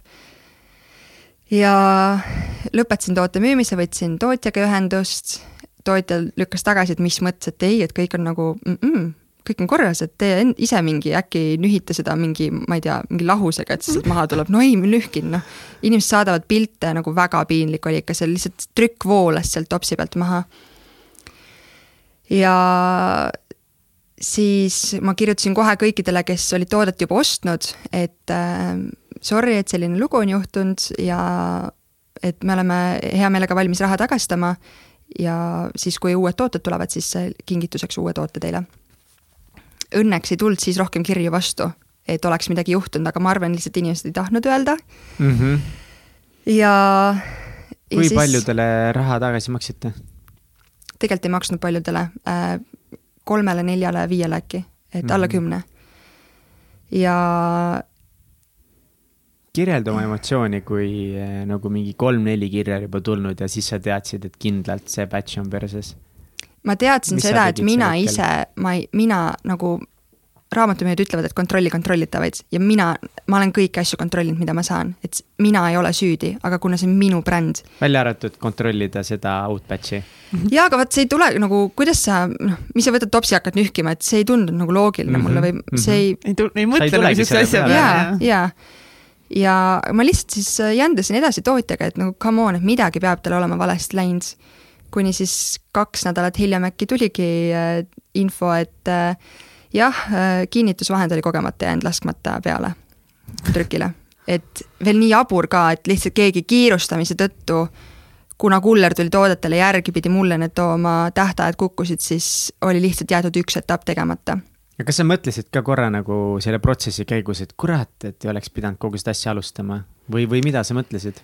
ma mõtlesin, aga see oli, see mõte oli ilmselt sellepärast, et me olime sinna raha, sisse oma raha pannud ja siis nagu mõtled, et noh, et kui see kõik raha lendab vastu taevast, siis miks nagu, mille kuradi jaoks, ma lihtsalt võiks minna Apollost osta endale veepudeli ja kohvitops ja kõik oleks väga tore. Aga ikka tahtsid midagi oma oma teha ja siis ma ei, ma selles, ma ei ole nagu otseselt allaandja, kui ma teen midagi enda oma, millel on suurem äh, väljund või suurem visioon sellega, et kui lihtsalt müüa, et ma tahtsin nagu, see maailma päästmismõte ei ole nagu siiamaani raugenud. aga nüüd meil on väga hea toode ka selle asemel, et, et lihtsalt äh, siis äh, me müüsime teisi tooteid, mis olid okeid, tegelesime nendega edasi kuna tootja võttis vastutuse, me saime raha ka tagasi nende toodete eest, mis oli kõik okei. Okay.. aa, sellega läks hästi. aga kas teiste toodetega ei olnud mingeid efekte? Äh, no jaa, veepudelil ka see tihend hakkas jupsima, et kui keerasid veepudelil korgi maha, siis tihend lendas suure kaarega kuskile teise toa otsa. Ja veepudeli ostjatele me siis ka kirjutasime, aga sealt ei tulnud ühtegi kirja vastu, nii et äh, ma ei tea, äkki nad superatakiga liimisid selle teandi kinni või midagi. Äh, ja siis äh, kui tooted hakkasid riiulist otsa saama, siis mõtlesime, et äh, okei okay,, et aga mis me siis, me ei saa lihtsalt ju brändi kinni panna, me oleme nii palju tööd juba teinud. turundust on tehtud, kõik on tehtud, et äh, ja maailma tahaks ikka veel kuidagi päästa. ja siis me hakkasime otsima potentsiaalseid uusi väljundeid, et neid tooteid kindlasti enam sada protsenti ei taha. ja kuna nõudlus oli kõige suurem olnud kohvitopside järele, siis äh, mõtlesime, et okei okay,, pühendume siis kohvitopsidele, kuigi konkurente on retsilt, siis äh, noh, ikkagi teeme kohvitopse, et mida kaotada on. parimatel on alati ruumi. jah, just. ja siis oligi, mõtlesime, et okei okay,, et ärme siis selle nagu Hiina ja UK-ga tegele, teeme siis sada protsenti, nagu sada protsenti äh, loodussõbraliku, äh, jätkusuutliku äh, toote, mis nagu, mille kõik aspektid vastavad sellele. ja me leidsime ühe hästi toreda tootja Eestist, mm, kes teeb keraamilisi kohvitopse me teame neid inimesi, kes need, neid teevad, me teame, et nad, äh, me saame kontrollida igat aspekti, et me, me me teame, et nad on äh, vääriliselt tasustatud, me teame, kuidas nad töötavad, me teame, et nad ei kasuta mitte ühtegi ühekordsest ega ka äh, mitmekordsest plastikust äh, eset tootmise juures, me saame tooted ajalehtedesse mässitult, et nagu kõik on jätkusuutlik. ja siis äh, muud ei olnudki, siis meil olid uued kohvitopsid valmis ja siis me paiskasime need müüki ja need on hästi sooja südamega vastu võetud ja ja tundub, et ähm, kuna meil on ka potentsiaalseid edasimüüjaid tekkinud ja huvi on hästi suur, siis äh, tundub, et see on nagu õige asi, millega praegu edasi minna. nii nunnu, miks on sul oluline maailma päästa? sest ma tahan, et äh, et minu lastel oleks tulevikus neid samu võimalusi, mis äh, mul on et minu üheks suureks, suureks eluunistuseks oli vaalhaidega ujuda ja ma ei kujuta ette, et mis mõttes kahekümne aasta pärast näiteks, et mu laps tahaks minna, mul ei ole veel last by the way, et kui kahekümne aasta pärast mul juhuslikult on laps, eks, et ta tahab vaalhaidega minna ujuma ja siis ta vaatab neid kuskilt dinosauruste raamatutest, et, et neid ei olegi enam. see tundub hästi vale. aga miks see sulle oluline, miks see sulle vale tundub? loodus on üks asi mis on andnud meile kõik need võimalused, mis, meil on toit, kõik pärineb loodusest ju. see, et me oleme enda ümber ehitanud mingeid mm, plastikust prügimägesid ja, ja mingist tehislikest materjalidest asju, me saaks tegelikult väga lihtsalt hakkama ka nende looduslike materjalidega. ja see oleks palju jätkusuutlikum ja palju keskkonnasõbralikum. ja ma ei taha, et minu äh, tegevuse tõttu keegi teine siin kunagi kannatab ja ma ei taha, et mina kunagi kannatan, sellepärast et mina täna näiteks äh, ühekordseid kõrsi või plastikkotte tarbin. et sa usud täiega seda, et, et kui sina jätad selle pabertopsi sealt äh, Statoilist võtmata, et siis see mõjutab? muidugi mõjutab, aga tegelikult mõjutab. Sipiti loosung on ka, et või, või selline jah, loosung lause, et et üksi me maailma ei muuda, aga koos tops topsi haaval on see võimalik. et ilmselgelt ühe kohvitopsiga mina mingit mõju ei avalda, aga kui ma tõmban sinu sellega, Mihkel, kaasa ja ma tõmban sinu sellega, Katrin, kaasa, siis me oleme kolm topsi juba päästnud. ja see on juba win. mina olen, mina olen äh, täiega sellega kaasas, ma arvan, et äh, ma ei tea, võib-olla pool aastat umbes kuskil võib-olla ma arvan, mina kindlasti ei ole mitte ühestki kohast ostnud mitte ühtegi topsi ja ma olin varem ikkagi korralik Statoil kohe topsid, järgmine kolme tunni pärast jälle uus tops. ma nagu absoluutselt ei mõelnud selle peale ja ma tänan täiega, et on olemas sellised inimesed nagu sina ja teised, kes pööravad tähelepanu sellele, et see on nagu fucking oluline et mina, kurat, ei läheks sinna Statoili ja ei ostaks seda ühte topsi ja homme teist topsi ja ülehomme kolmandat ja siis sajandat topsi. et meie kõigi üks väike tegu loeb.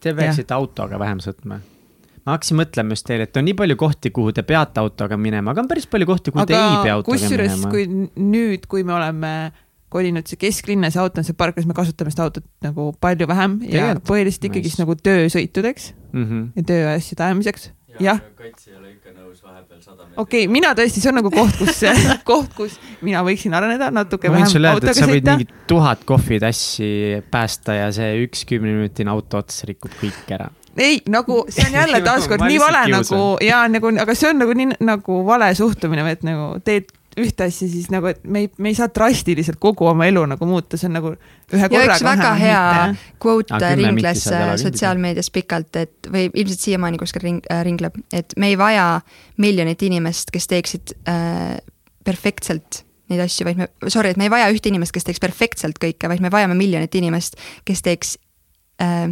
imperfectly ehk siis ebatäiuslikult, ebatäiuslikult. et äh, iga asi mis on tehtud looduse jätkusuutliku nimel, loeb nagu iga väike asi mm. -hmm. kujutage ette, kui arenenud maailmas näiteks kaks miljardit inimest kogu näiteks Ameerika ja Euroopa maa-alade peale tarbiksid kümme protsenti vähem. milline impact see oleks, see oleks metsik see nii mhm. jõhker, et seda lihtsalt ei oska ette kujutada. hästi üles haibitud on kogu see kohvitopside, ühekordsete kohvitopside ja kõrte ja veepudelite ja kilekottide teema. aga tegelikult see probleem on palju laiem, et probleem ei ole plastik, vaid probleem on prügi ja see sama nagu, et kui me võtame kohvitopsid näiteks, siis kõigepealt sa lähed kohvikusse või Statoili või sorry, Circle K-sse ostad selle kohvi selles ühekordses kohvitopsis, sa maksad selle topsi eest tegelikult, see on selle kohvi hinnas, eks.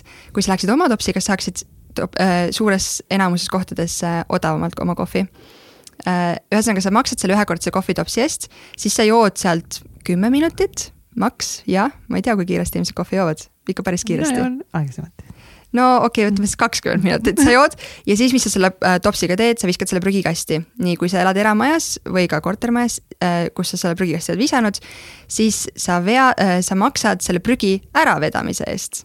ehk siis sa maksad topelt selleks, et keegi su kohvitopsi minema viiks, et sa seda tarbised said kui sul oleks ühe äh, korduvkasutatav kohvitops, okei okay,, sa maksaksid vee eest, et see puhtaks pesta, aga mis mõju see loodusele teeb, on nagu kordades suurem mm. -hmm. jaa, see on suht oluline, aga mis, kuidas sa veel proovid muuta ähm,? kogu tarbimine ja ma arvan, et seda peaksid kõik tegema, et, et ei ole vaja osta lihtsalt ostmise pärast. ei ole, ei ole vaja osta uut iPhone'i sellepärast, et uus generatsioon tuleb välja, kuigi eelmine väga hästi toimib veel, et lihtsalt mille jaoks ja see on nagu tootjate poolt ka ilgelt nõme, et et tehaksegi ju asju nagu garantii järgi, et mm, -hmm. et garantii on kaks aastat ja toode säilibki või nagu töötab kaks aastat ja siis viskab sussi püsti, sul on uut vaja.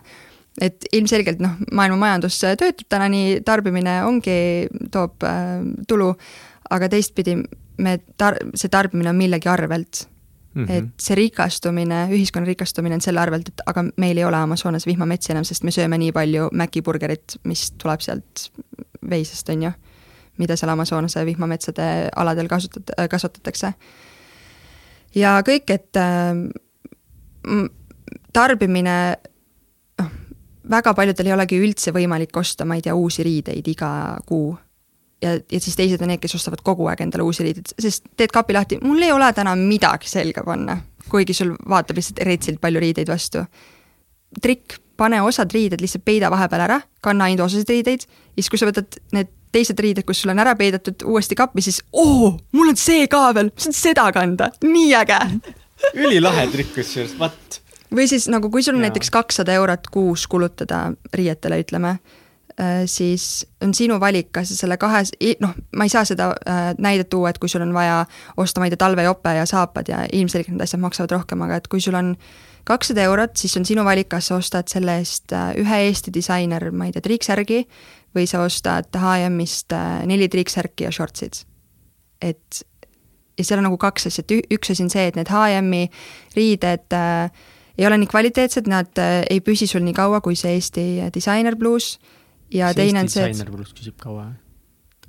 ma ei tea, mul ei ole isiklikku kogemust ma nagu triiksärkidega. kahtlen, kas see Eesti disainer näide tegelikult on hea näide, aga võib, võib-olla lihtsalt mingi firma, kes teeb kvaliteetseid riideid. nojah, et Jaa. et aga seal on ka nagu Tallinn Toolsi T-särk, mis on äh, väga hästi vastu No pidanud. vot. ja sellega on täiega aga tore see on, käia. esiteks see on headest materjalidest näide. Mhm. Need Jah. materjalid suure tõenäosusega ei ole ostetud kuskilt Aliekspressist, tellitud mingi kiloga kokku, on ju.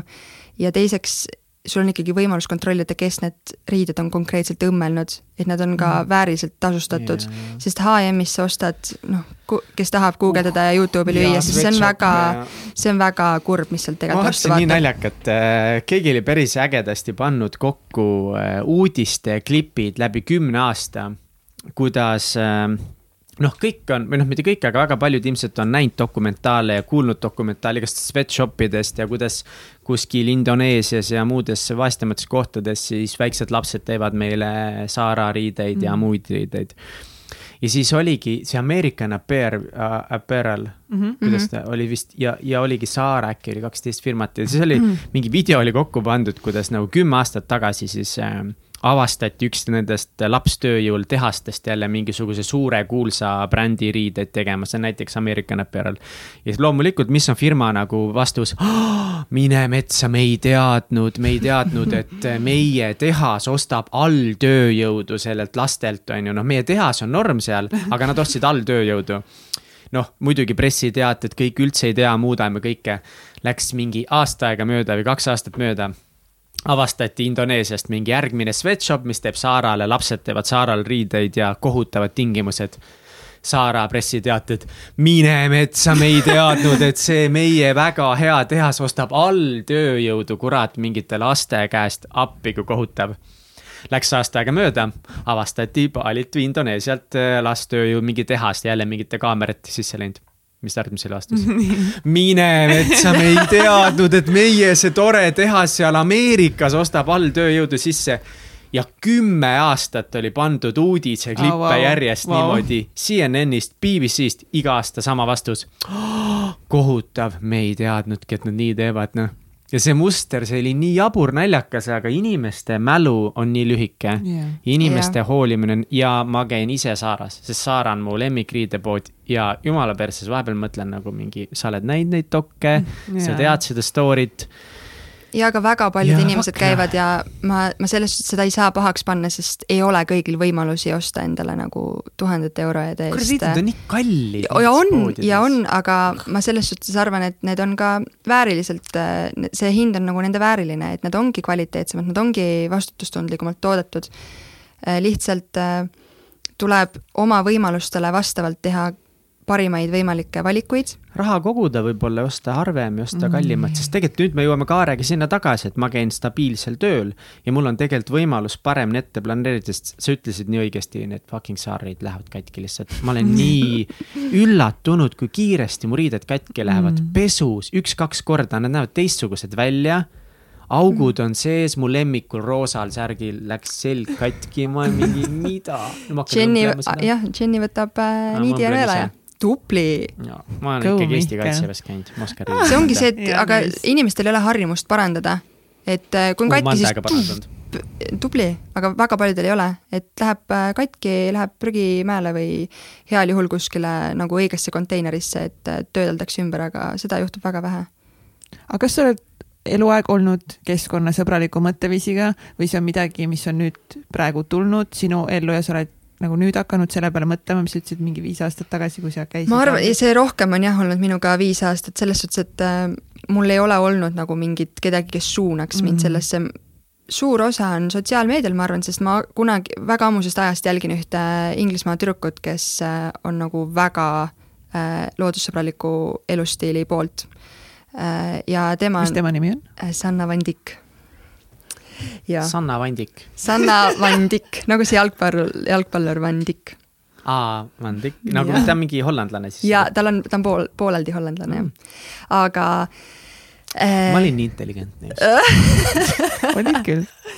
aga selles suhtes nagu mu, ma ei tea, vanemad ikka, ma mõtlen, kui ma elasin kodus, mida vanemad hästi palju kujundavad, meil see kodune keskkond kujundab, et kui me näeme seda, et siis see tundub meile normaalsena äh, Mm. või jah, et, et vanemad võtsid neid ühekordseid kilekotti puuviljade juurest ja võib-olla natukene rohkem, kui vaja oleks, sest äh, nagu poes, sest pärast on võib-olla külmkapis vaja mingi kana panna eraldi kilekotti ja siis noh, lihtne on, mugav on, aga meil ei pea elu olema mugav. kes ütles, et meil peab nii mugav see kõik olema? ja lihtsalt ma arvan, et üks osa oli see ka, et kui ma kolisin eraldi elama, siis äh, noh, sa ei viitsi kogu aeg seda prügi välja viia, siis mõtled jälle on, nagu jälle on prügikast täis mm., et kuidas ma toodan nii palju prügi. jaa, prügikast saab nii kiiresti täis. mis asja jah, sama. et aga see on ju kõik, ega see prügi sinna niisama ise ei kuku või ei lähe, et see on ju aga kuidas ta saab sinna Mihkel, mul on sulle uudis, sa ise tarbid seda. tegelikult et äh, jah, me lihtsalt peaksime tarbima vähem ja, ja mõtlema natukene planeedi tulevikule ja sellele, mis meist saab, ega need muutused ei ole nagu see, et aa, et kunagi juhtub siis, kui me ära sureme, et siis juhtub midagi planeedil, vaid siis ei ole enam nagu piisavalt äh, ma ei tea, puhast vett või puhast loodust ja puhast õhku, mida hingata. see võib vabalt juhtuda kahekümne viie aasta pärast, kui meil on ressursid otsas mm. -hmm. ja, ja lisaks sellele, et vähem tarbida, me peaksime ka mõtlema sellele, et nagu mida me siis tarbime, et äh, oma tarbimisega me kiidame heaks mingi asja tootmise või mingi teenuse. ma toon alati seda näidet, et Aasias äh, turistid lähevad elevantidega ratsutama. kas elevant on ratsutamiseks loodud? no see, et Ei neid, ole. see, et neid kuskil maailmasõjas kasutati äh, ratsaväes või sorry, ma ei tea väga ajaloost midagi aga neid kasutati sõjas. noh, see ei ole, see ei ole okei okay,, see ei ole normaal ja see, et kui me läheme nende elevantidega ratsutama, siis, siis see tähendab, et tuuakse järjest elevante juurde, sest nõudlus kasvab. nüüd, kui sina jätad täna ratsutamata ja sa lähed äh, järgmine aasta Taisse ja sa jätad jälle ratsutamata ja siis sõbrannad jätavad ka selle elevandiga ratsutamata, siis võetakse järjest iga aasta üks elevant vähemaks, kuni lõpuks neil ei ole mõtet neid elevante seal kinni hoida ebanormaalsetes tingimustes. sest keegi ei taha. just, keegi ei tarbi seda teenust. ja samamoodi mingi mõõkvaaladega või loom-, on need mõõkvaalad, keda hoitakse USA-s seal mingites akvaariumites? Free Willid, jah. Free Willid. Et see on, aga see on, see ongi seesama, selle kõige, kõige suurem probleem on see, et eh, me elame täna selles ühiskonnas, kus me oleme harjunud saama nii kiiret tagasisidet kõigele, et nagu see instant mm. gratification, arvutimängud, sotsiaalmeedia, kõik on ehitatud sellele, et saad kohest tagasisidet, sa tahad teha midagi, sa tahad tööl ja ka töökultuuris on see, et vanasti inimesed käisid kakskümmend aastat ühel tööl ja siis ootasid, et kahekümne aasta pärast keegi annab kella ja patsutas õla peale, et sa oled tubli, on ju no fine, sobis, on ju. nüüd on see, et me oleme kolm aastat ühes töökohas, me tahame seal kolm korda saada palgakõrgendust, ametikõrgendust, siis minna järgmisse kohta. Level up, level up, mis mõnes mõttes on normaalne, asjad käivadki teistmoodi, aga, aga selle keskkonna säästlikkusega ongi see teema, et kui ma ostan selle kohvi ikkagi selle pabertopsiga või jätan pabertopsit ostmata, ma ei tunneta seda mõju kohe. olgugi, et see loeb, kui me kõik teeme seda, no ma ütlesin, kui kogu Euroopa kümme prossa vähem tarbib metsik muudatus, aga me ei näe seda, me ei tunne seda ja nii mm. lihtne on seda üle lasta lihtsalt, et, et mida sa nagu soovitaksid, kuidas see peab nagu sellele suhtuma või kui nii raske on nagu tunnetada tagasisidet oh,? väga hea küsimus, lihtsalt mul on hästi suur usk äh, endasse ja kõikidesse teistesse inimestesse ka, kes mu ümber on. et ma usun, et me koos saavutame midagi. aga alati äh, mis, mis mõjub inimestele, mina näiteks ei loe uudiseid enam, sest uudised on ainult negatiivsed, ainult ja need külvavad hirmu. see, mis yes. näiteks USA-s toimub, see on eriti õudne, aga ma nagu siinkohal julgen soovitada, et võtke, et kui te olete kõvad guugeldajad ja Youtube'ist videote vaatajad, on ju, kõik on, et võtke lahti nagu mingi dokumentaal selle kohta, et mi-, milline on maailm kahekümne aasta pärast või milline on maailm viiekümne aasta pärast või lihtsalt nagu uurige natukene rohkem kui see, mis Google teile esimese vastena annab ja ma arvan, et pärast nende vaatepiltide ja, ja seega, mis täna tegelikult juba maailmas toimub äh,, need on lihtsalt nii šokeerivad äh, infokillud ja, ja videod ja pildid, et äh, kui neid oled näinud, siis äh, ma arvan, et tekib. informatsiooni on ülipalju tegelikult nagu, mis maailmas ja oluline on see ka, et, et see on lahe, et sa välja tood aga kindlasti on see, et nagu, et sa vaatad ühe dokumentaali ära, et nüüd sa nagu oled kindel, et täpselt nii on, et nagu kõige tähtsam minu meelest nagu õppimisel ja, ja, ja maailma kohta lugemisel samamoodi nagu proovida võimalikult palju erinevaid allikaid saada. Mm.. et ja, seda analüütilist ja kriitilist uurida, mõtlemist mm -hmm. peab olema ja sa ei saa võtta nagu ühe asja või et nagu et mitte, et sa ei lähe otsima nagu informatsiooni, vaid sa lähed otsima kinnitust omaenda mm. soovitud maailmavaatele, on ju. ja inimestel et, ei ole püsivust, nagu võetakse oma arvamus seis- äh,, oma seisukoht siis kujundatakse hästi kiiresti või mingi, et aa, et see influencer ütles, et äh, vegan peab olema, sest muidu ma ei tea, sured ära, on ju. ja siis ma nüüd olengi vegan, sellepärast et ta ütles mm., aga tee rohkem research'i, uuri, mida see veganlus päriselt tähendab. et mitte, ma ei ütle, et veganlus oleks halb äh,, aga ma ei ütle ka, et mitte vegan olemine oleks halb. et mõistlikkuse piires ja selline balanss peab elus olema kõiges et nii nagu ei ole mõistlik käia kaksteist korda nädalas trennis ja ennast üle pumbata ja siis äh, pärast olla kõikides vigastustes nagu kodus diivani peal mm -hmm. li-, suutmata ennast liigutada, samamoodi selline balanss peab olema meil äh, tööelus, eraelus, toitumises, tarbimises, kõiges. okei okay., aga kui nüüd te, äh, keegi kuulab meid, mida ma loodan, et paljud inimesed teevad, siis kuidas mina täna kui ma olen pigem selline, kes äh, tarbibki ühekordseid topsikuid ja ei ole väga keskkonnateadlik, mida täna mina saaksin teha näiteks kolm asja, et jätta endast väiksem ökoloogiline jalajälg maha? Meile on antud jalad liikumiseks ja kõndimiseks, ehk siis kui sul on võimalus kõndida kuhugi jala, siis see teeb head keskkonnale. Egert näitab näpuga katsi suunas täiega. aga ma arenen üks samm korraga, ma ei Tupli. saa kohe kõike võtta. et sa pargid lihtsalt iga kord auto sada meetrit eemale, siis teed iga kord. et sa sõidad nimelt kaugemale. ei, ma ei mõtle üldse nagu alguses autoga, vaid ma teen nagu muudes asjades paremaid äh, valikuid ja, ja siis lähen see ongi, et, et inimesed nagu seda äärmuslikkust ei tasu võtta, et teha natukene ja teha neid hästi, mitte teha kõike. ja üks ongi see, et liikuda rohkem mm, -hmm. sest see teeb meie tervisele palju, palju paremaks ja, ja me äkki elame natukene kauem fun fact, mu üheks eluunistuseks on kolmes sajandis elada, ehk siis äh, ma teen kõik selle nimel, ma üritan võimalikult tervislikult toituda, ma üritan võimalikult äh, häid valikuid oma, ma ei tea, treeningutes teha ja finantsiliselt, et ma kunagi ei sureks ära, sellepärast et mul raha ei ole. ja ma soovitan raha päris palju kokku ajada.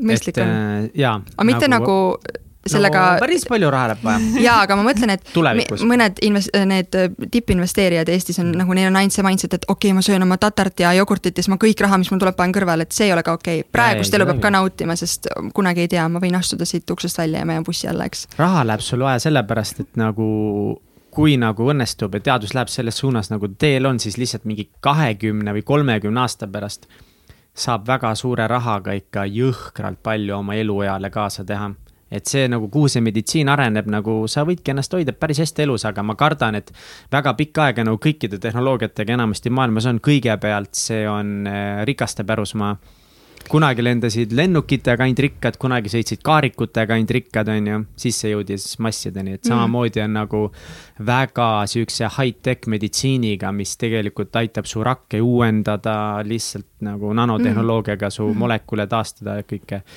aga ma kardan, et see maksab sitaks alguses mm. ma, üks asi on see hind, aga teine asi on see on lihtsalt nii põnev. et see on nii põnev, et me saame panustada tegelikult sellesse ja see, selleks on vaja tervis, hea tervise juures inimesi, kes aitaksid seda ellu viia kõike ja, ja loodust ka mingil määral, eks. aga ühesõnaga kolm asja, mida keegi saaks täna teha, kui kõik teeksid, oleks eriti tore pastakad välja, kui te meid kuulate istudes ja kui te kuulate meid jalutades, siis jätke lihtsalt kõik endale meelde. ja hakake kasutama. ühesõnaga, esimene on see, et liikuda rohkem äh, jala, äh, ainuüksi juba tervise pärast teine asi on see, et tarbida vähem ühekordset plastikut ja võimalusel see üldse oma ähm, elustiilist välja jätta. Ja ma siinkohal pean ütlema, et need täna on hästi populaarsed Eestis eriti need biolagunevad plastikusarnased välimuselt samasugused tooted, mingid topsid ja ma ei tea, lussikad, äh, mis näevad samamoodi läbipaistvad välja, nende tootmiseks kulub rohkem vett kui tavapärases ühekordse plastiku tootmiseks, ehk siis need on paremad, sest nad biolagunevad, aga kui neid ei panda biolagunevasse konteinerisse või need pannakse segamini teise prügiga, siis need on mõttetud pluss need, nagu siis nende tootmine on nii palju energiamahukam ja. ja see on nagu mega nagu sihuke püant, et sa ostad selle biolaguneva kilekoti ja sa arvad, et sa päästsid just loodust sellega, aga selle tootmine hävitas rohkem loodust. ja see on nagu what? Ja kolmas asi on eh, oma tarbimist vähendada. lihtsalt teha mõistlikke, mõistlikumaid otsuseid ja valikuid. et äh, ma ei räägi küll, ma ei tea, pulmadest või äh, kooli lõpetamisest, et mul on vaja ainult selleks üheks korraks kleiti, aga kui sa lähed reede õhtul tüdrukutega välja ja teed kapid uksed lahti, vaatad, sul ei ole midagi selga panna, siis mõtle uuesti. tegelikult on ja sul ei ole üheks õhtuks vaja osta seda uut kleiti ma tundsin eile õhtul, kui me käisime Reeri sünnipäeval, mul ei ole mitte midagi selga panna. aga nagu näha oli, siis ma tulin sinna ja mul oli Riietes? selga. jaa, sa ei tulnud paljalt. jaa no vot, alati leiab lahenduse. alati leiab, leiab lahenduse. korra eh, veel eh, puudutades eh, seda ettevõtluse ja brändi teemat, et me rääkisime sellest keskkonnasäästlikkusest, et nüüd meil on päris paar head sammu, millega alustada. et aga kui me võtame näiteks, näiteks selle Zipiti oma nagu brändi ehitamise ja, ja kõige eh, selle valdkonna, et eh, mis sa ütleksid seal inimestele, et eh, kui ma nüüd näiteks tahan ka alustada enda brändi, millised on nagu esimesed sammud, mida tegema peaks? Sorry, ma olen täna hästi segamini rääkinud, aga ettevõte ja bränd on tegelikult erinevad asjad. aga kui me räägime brändist, ettevõtte alustamiseks sul on vaja lihtsalt, palju see on, sada üheksakümmend eurot või? nüüd on sada üheksakümmend vist jah. enne oli sada kaheksakümmend on ju mm. -hmm. ühesõnaga, riigilõivuraha sada üheksakümmend eurot, that's it. aga brändiga ma soovitan kõikidel lugeda raamatut äh, Story Brand mm.. ma, ma, ma olen kohutavalt kehv Brand. nimede peale. aga see on tõesti hea raamat, see räägib, kuidas äh, brändi äh, lugu ehitada ja kuidas ühesõnaga, et brändina ei ole eesmärk äh, müüa, vaid sa pead taht- äh,, sa pead tekitama klientides vajaduse enda järgi et justkui, et Mm, kliendid teevad oma vajadus, otsuseid, jah. mitte sina surud oma, oma, oma siis mõtteid peale. see on väga hea raamat.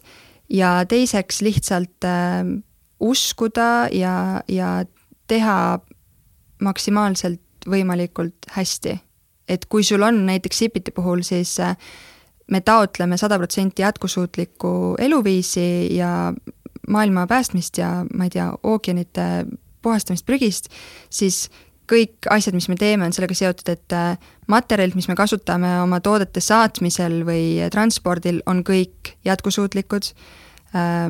me kasutame, ma ei tea, recycled äh, neid pappi ja paberit, tindid, millega me trükime, on vee baasil, ehk siis need ei äh, kuidagi mm, hävita loodust Äh, teip, mida me kasutame pakkide kinniliimimisel on, või kinnipanemisel, on äh, samamoodi water infused, vee, no ühesõnaga vee baasil äh, äh, paberteip. Need kõik, kõik materjalid on Päris võimalikult äh, jätkusuutlikud ja ilmselgelt see on prügi, aga kui see prügi panna õigesse konteinerisse, siis sellel prügil on varsti uus elu. vot sa oled öelnud enda kohta ühte sellist äh, nii-öelda nõrkust endast, et sa kipud alla andma seal, kus sa hakkama ei saa. et see nagu ei paista välja, kuidas see tegelikult siis sinu sees on? ma lihtsalt olen äh, võrdlemisi kriitiline enda osas. ma tahan alati maksimumi ja ma ei rahuldu mitte kunagi äh, vähemaga kui maksimum. ja kui ma näen, et keegi teine saaks seda minust paremini teha, siis ma annan kellelegi teisele selle võimaluse seda teha. Ehk siis ettevõtjana või brändi äh, nagu tegelasena on eriti oluline see, et sa alati pakud maksimaalset teenust või sa alati pakud maksimaalset äh, toodet äh, ja kui on keegi, kes saab seda minust paremini teha, siis ma annan alla ja palkan kellegi teise, kes seda teeb. aga mul on jah, mingeid situatsioone olnud elus, kus äh, läheb äh, pekki, no see IT õppimine samamoodi, et äh, võib-olla kui oleks nagu rohkem tahet olnud, siis oleks kiiremini saanud selle tehtud, aga kui ma ei näe ennast seal tulevikus, ma ei näe ennast programmeerijana, siis äh, jah, kohati ma kipun all, alla andma asjades, kus mul kallid vanemad, ma arvan, et te taipate, kuhu see asi minemas on. ei, see IT ootab, see ootab. see on lihtsalt, see on, see, ta ütleb ainult seda teie jaoks, nii et ma sorry, et ma seda asja, ja ma tean, et see pidi tegelikult olema nii, et äh, me ei ütle välja seda, aga no täitsa pekkis, aga täitsa pekkis. aga ma, ma, ma arvan, nad on täna juba, nad on täna juba uhked minu üle, ma, ma usun, et ma olen tänaseks rohkem saavutanud kui äh, mõni teine kahekümne kolme aastane võib-olla. ja mitte, et keegi ole- teeks halvemini, lihtsalt kõigil on võimalused teha paremini. nii on. jah kas küsime küsimusi ka? Enne kui me nende küsimuste ja. juurde, siis mul on veel enne seda veel paar küsimust ja siis lähme onju. nii, nüüd mul läks see esimene küsimus ah,, ma tahtsin küsida seda, kuidas sa üleüldiselt suhtudki väljakutsetesse ja pekkiminekutesse? Nagu mis suhtumise võtad, kui sul asjad lähevadki untsu ehm,? asjad lähevad alati untsu ja see on okei okay,, sest äh, need viivad elus edasi, et äh, me paratamatult, on inimesi väga äh, ma, ma tahaks olla üks nendest, aga ma ei ole, neid on väga vähe, kes suudavad õppida teiste vigadest.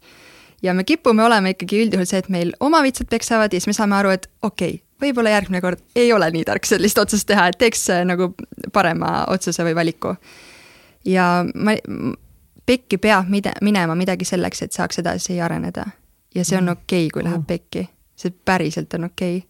ja ilmselgelt on neid õhtuid, kus äh, ma võin välja paista väga posi-, positiivne ja särav ja et kõik on väga hästi, aga mul on ka neid õhtuid, kus ma nutan patja ja mõtlen, et kurat, mul üldse oli vaja kõige sellega kunagi alustada, sest nii pekkis on, kui mõni klient saadab mingi kurja kirja, et talle see või teine asi ei sobi.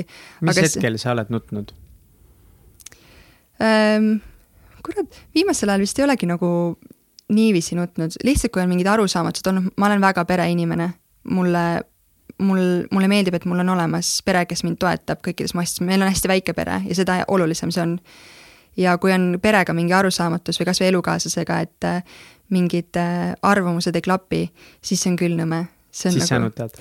jaa, nutan ja aga no ma nutan, kui ma varba ära löön ka, nii et nutmist tuleb vahel ette, aga. iga normaalne inimene nutab, kui ta varba ära lööb, sest see on nii kuradi on, on ju.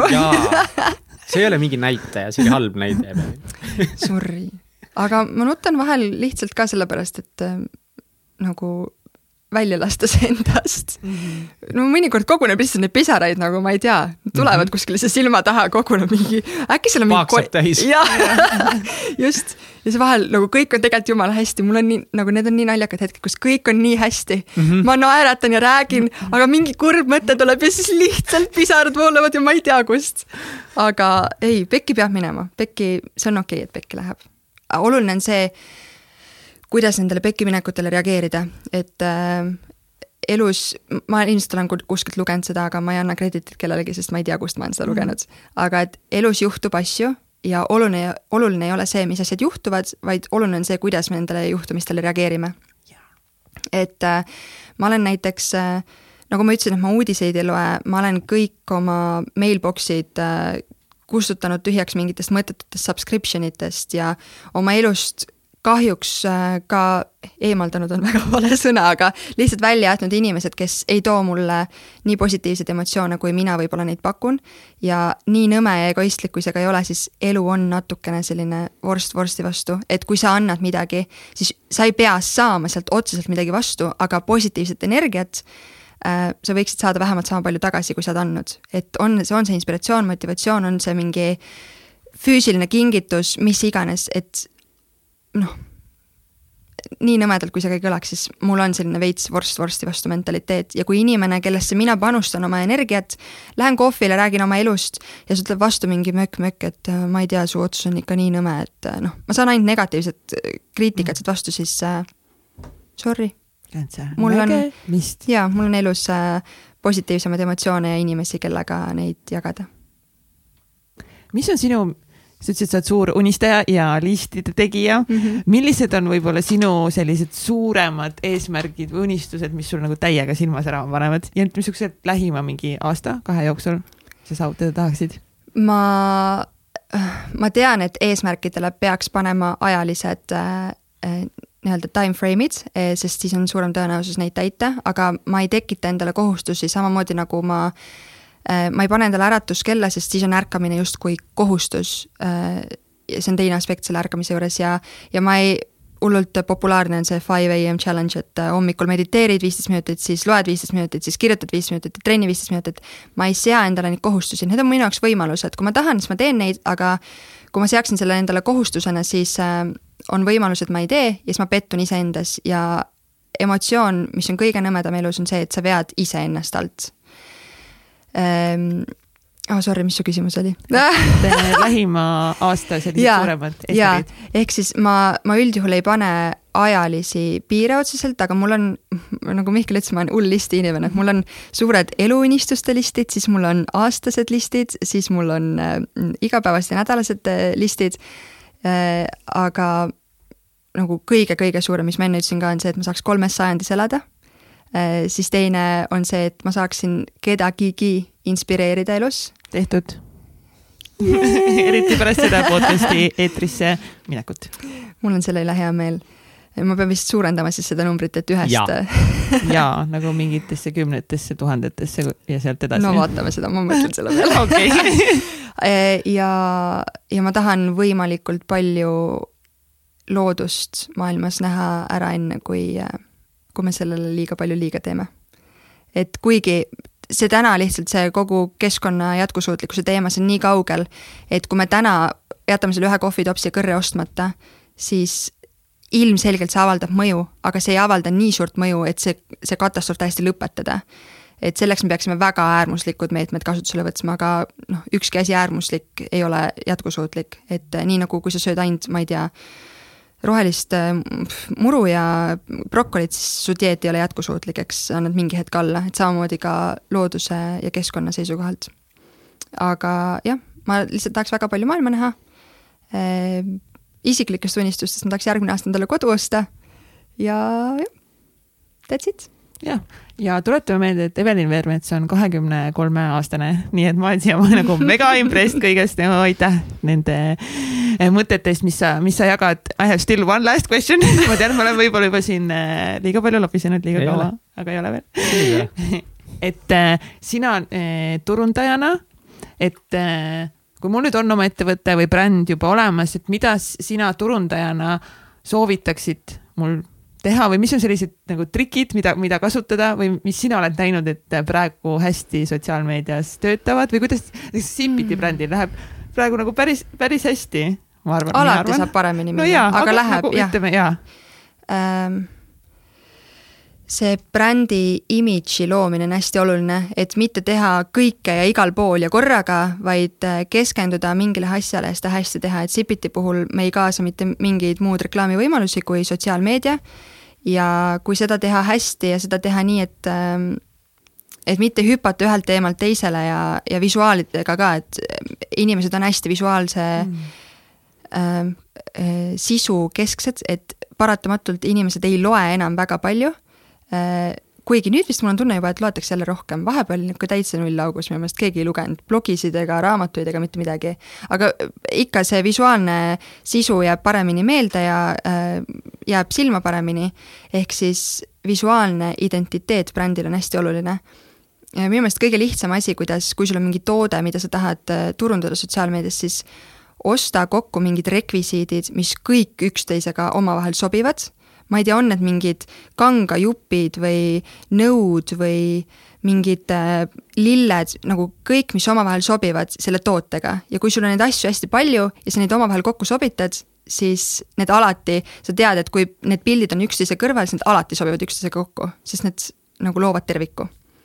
vot. nii hea mõte. täiega hea.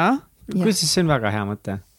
väga tore väga, väga kihvt. okei okay,, Mihkel, nüüd äh, on aeg siis äh, kiusata Evelini värkküsimustega. Evelin oh,. nii, Mihkel kas sul on olulisi rutiine või harjumusi, mida sa teed iganädalaselt või igapäevaselt? kuidas ma küll teadsin, et see küsimus tuleb Evelin kuulab ka meie podcast'i. ja, äh, ja äh, ma ütlesin, ma kohustusi endale ei sea, eks mul nagu selliseid võib-olla nagu väga erilisi asju ei ole, aga iga pühapäeva õhtu ma tellin Prismast kullarigat toitu koju äh,. siis ähm, mm, räägin jätkusuutlikkusest ja kõigest, aga meil kõigil on pahed, eks, nagu kõikidel on midagi, mida ei tee nii hästi. Äh, mul on Red Bulli reeded, ma joon iga reede ühe Red Bulli. Red Bulli reede?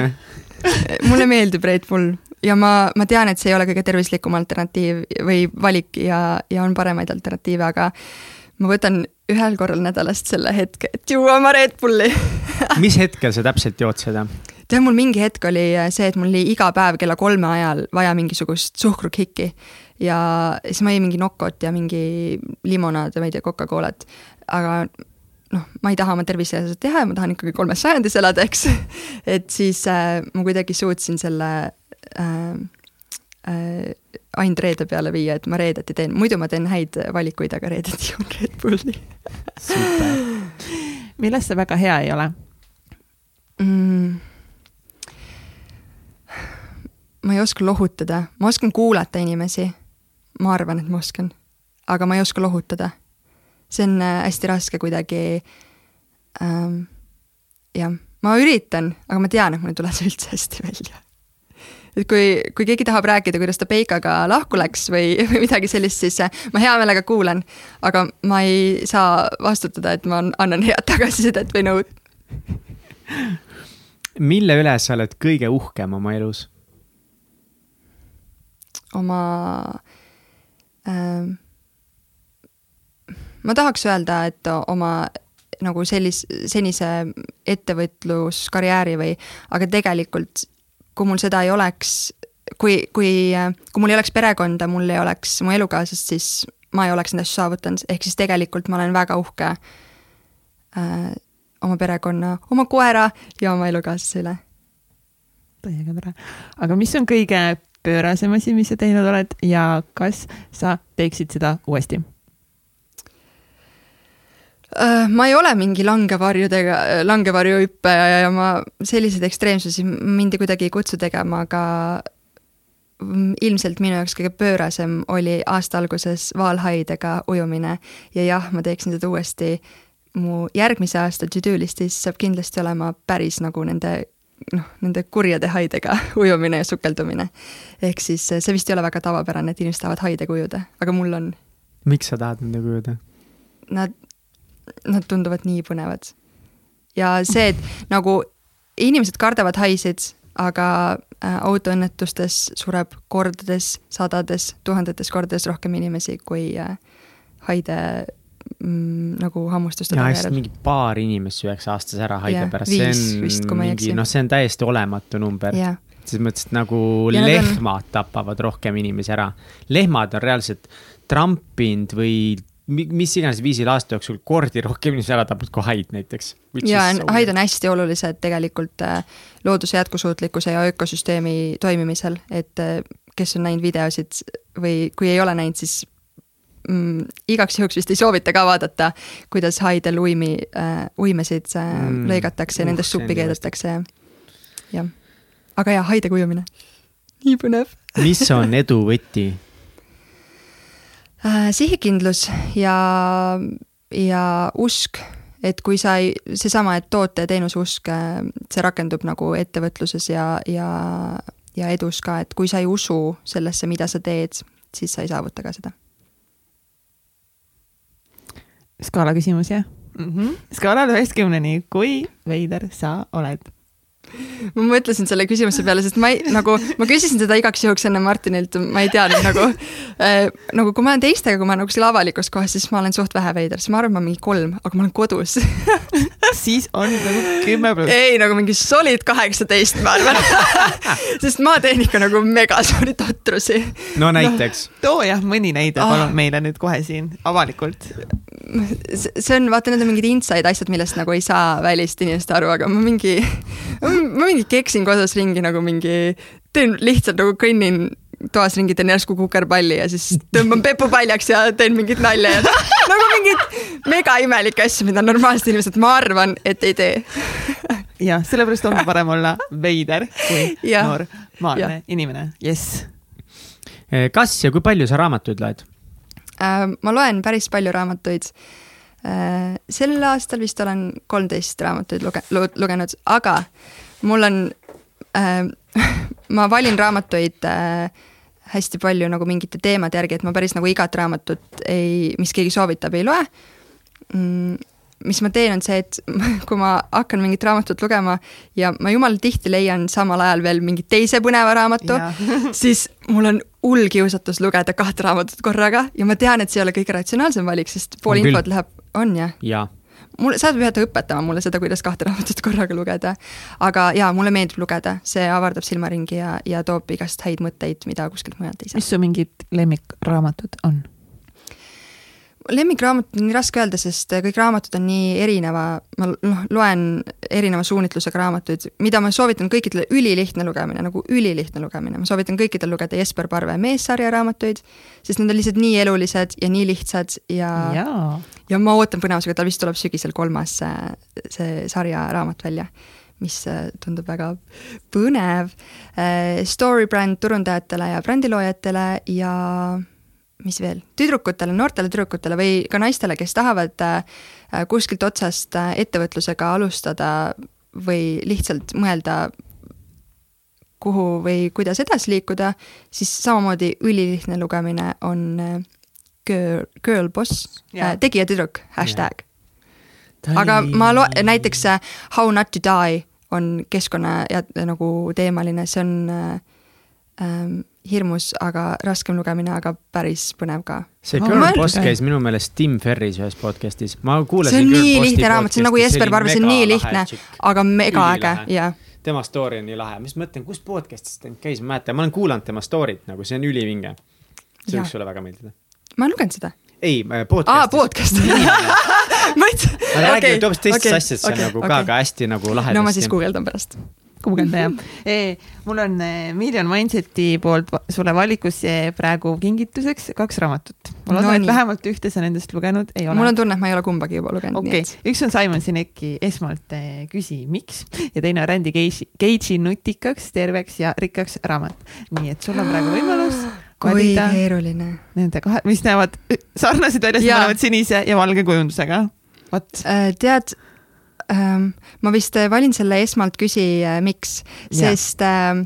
sest Simon Sinek on lihtsalt nii lahe. Jaa, aga ma sellepärast, et ma viimasel ajal olen kippunud tegema liiga rutakaid otsuseid, nagu mul tuleb kiiremini jah või ei ja ma nagu võiks vist enne küsida, miks, on ju oleks vist mõistlik. nii hästi läks see praegu see. eks. aga nagu samas, kui me mõtleme seda, et ei tasu ka nagu hakata üle mõtlema. et nagu ma pean ennem teadma seda ja siis ma pean teadma seda, ma ei saa alustada mingite asjadega, ei lihtsalt nagu alusta. ja, aga küsi-, miks ja. küsimus on nii oluline? väga paljudes olukordades. no ma kui oluline see on. karjääri jooksul õppinud seda, et miks küsimine. ja do it väga äge. nii põnev, nii tore, täiega suur aitäh. kuule, väga vinge ja ongi meie esim-, esimese hooaja. Meie teise hooaja. Esimene episood. Selja taga. nii tore. Uh, ma olen mega tänulik, Evelin, sulle, et sa tulid täna meiega vestlema. Ja minul oli igatahes väga tore ja ma loodan ka kuulajad said mitte lihtsalt inspiratsiooni, seda kindlasti, aga ka vaid kasulikke nippe ja asju, mida saaks nagu nüüd elus rakendama hakata, nii et minge kindlasti Evelini äh, Instagrami, Evelin mm -hmm. Vermets mm -hmm. ja siis kus veel inimesed sind leiavad või sinu brände? ma arvan, et sealt rohkem, Instagramist leiabki kõige rohkem, aga minu profiililt leiab juba Sipiti ja PBS-i äh, info ka üles, nii et. minge kindlasti follow ge, saate endale iganädalaselt palju positiivsust ja ägedaid ilusaid pilte. ja, ja ilusaid pilte koerast, sest see toob ikka positiivseid meelde. see on nunn-nunnu. okei, I will stop right here, sest siin asjad juba lähevad nagu imelikuks kätte ära, aga igatahes mina megalt tänan ja mind oled sa tohutult palju inspireerinud olema parem inimene, nii et aitäh. mul on nii hea meel, aitäh teile. aitäh, et sa tulid. tšau. kuulamiseni, tšau.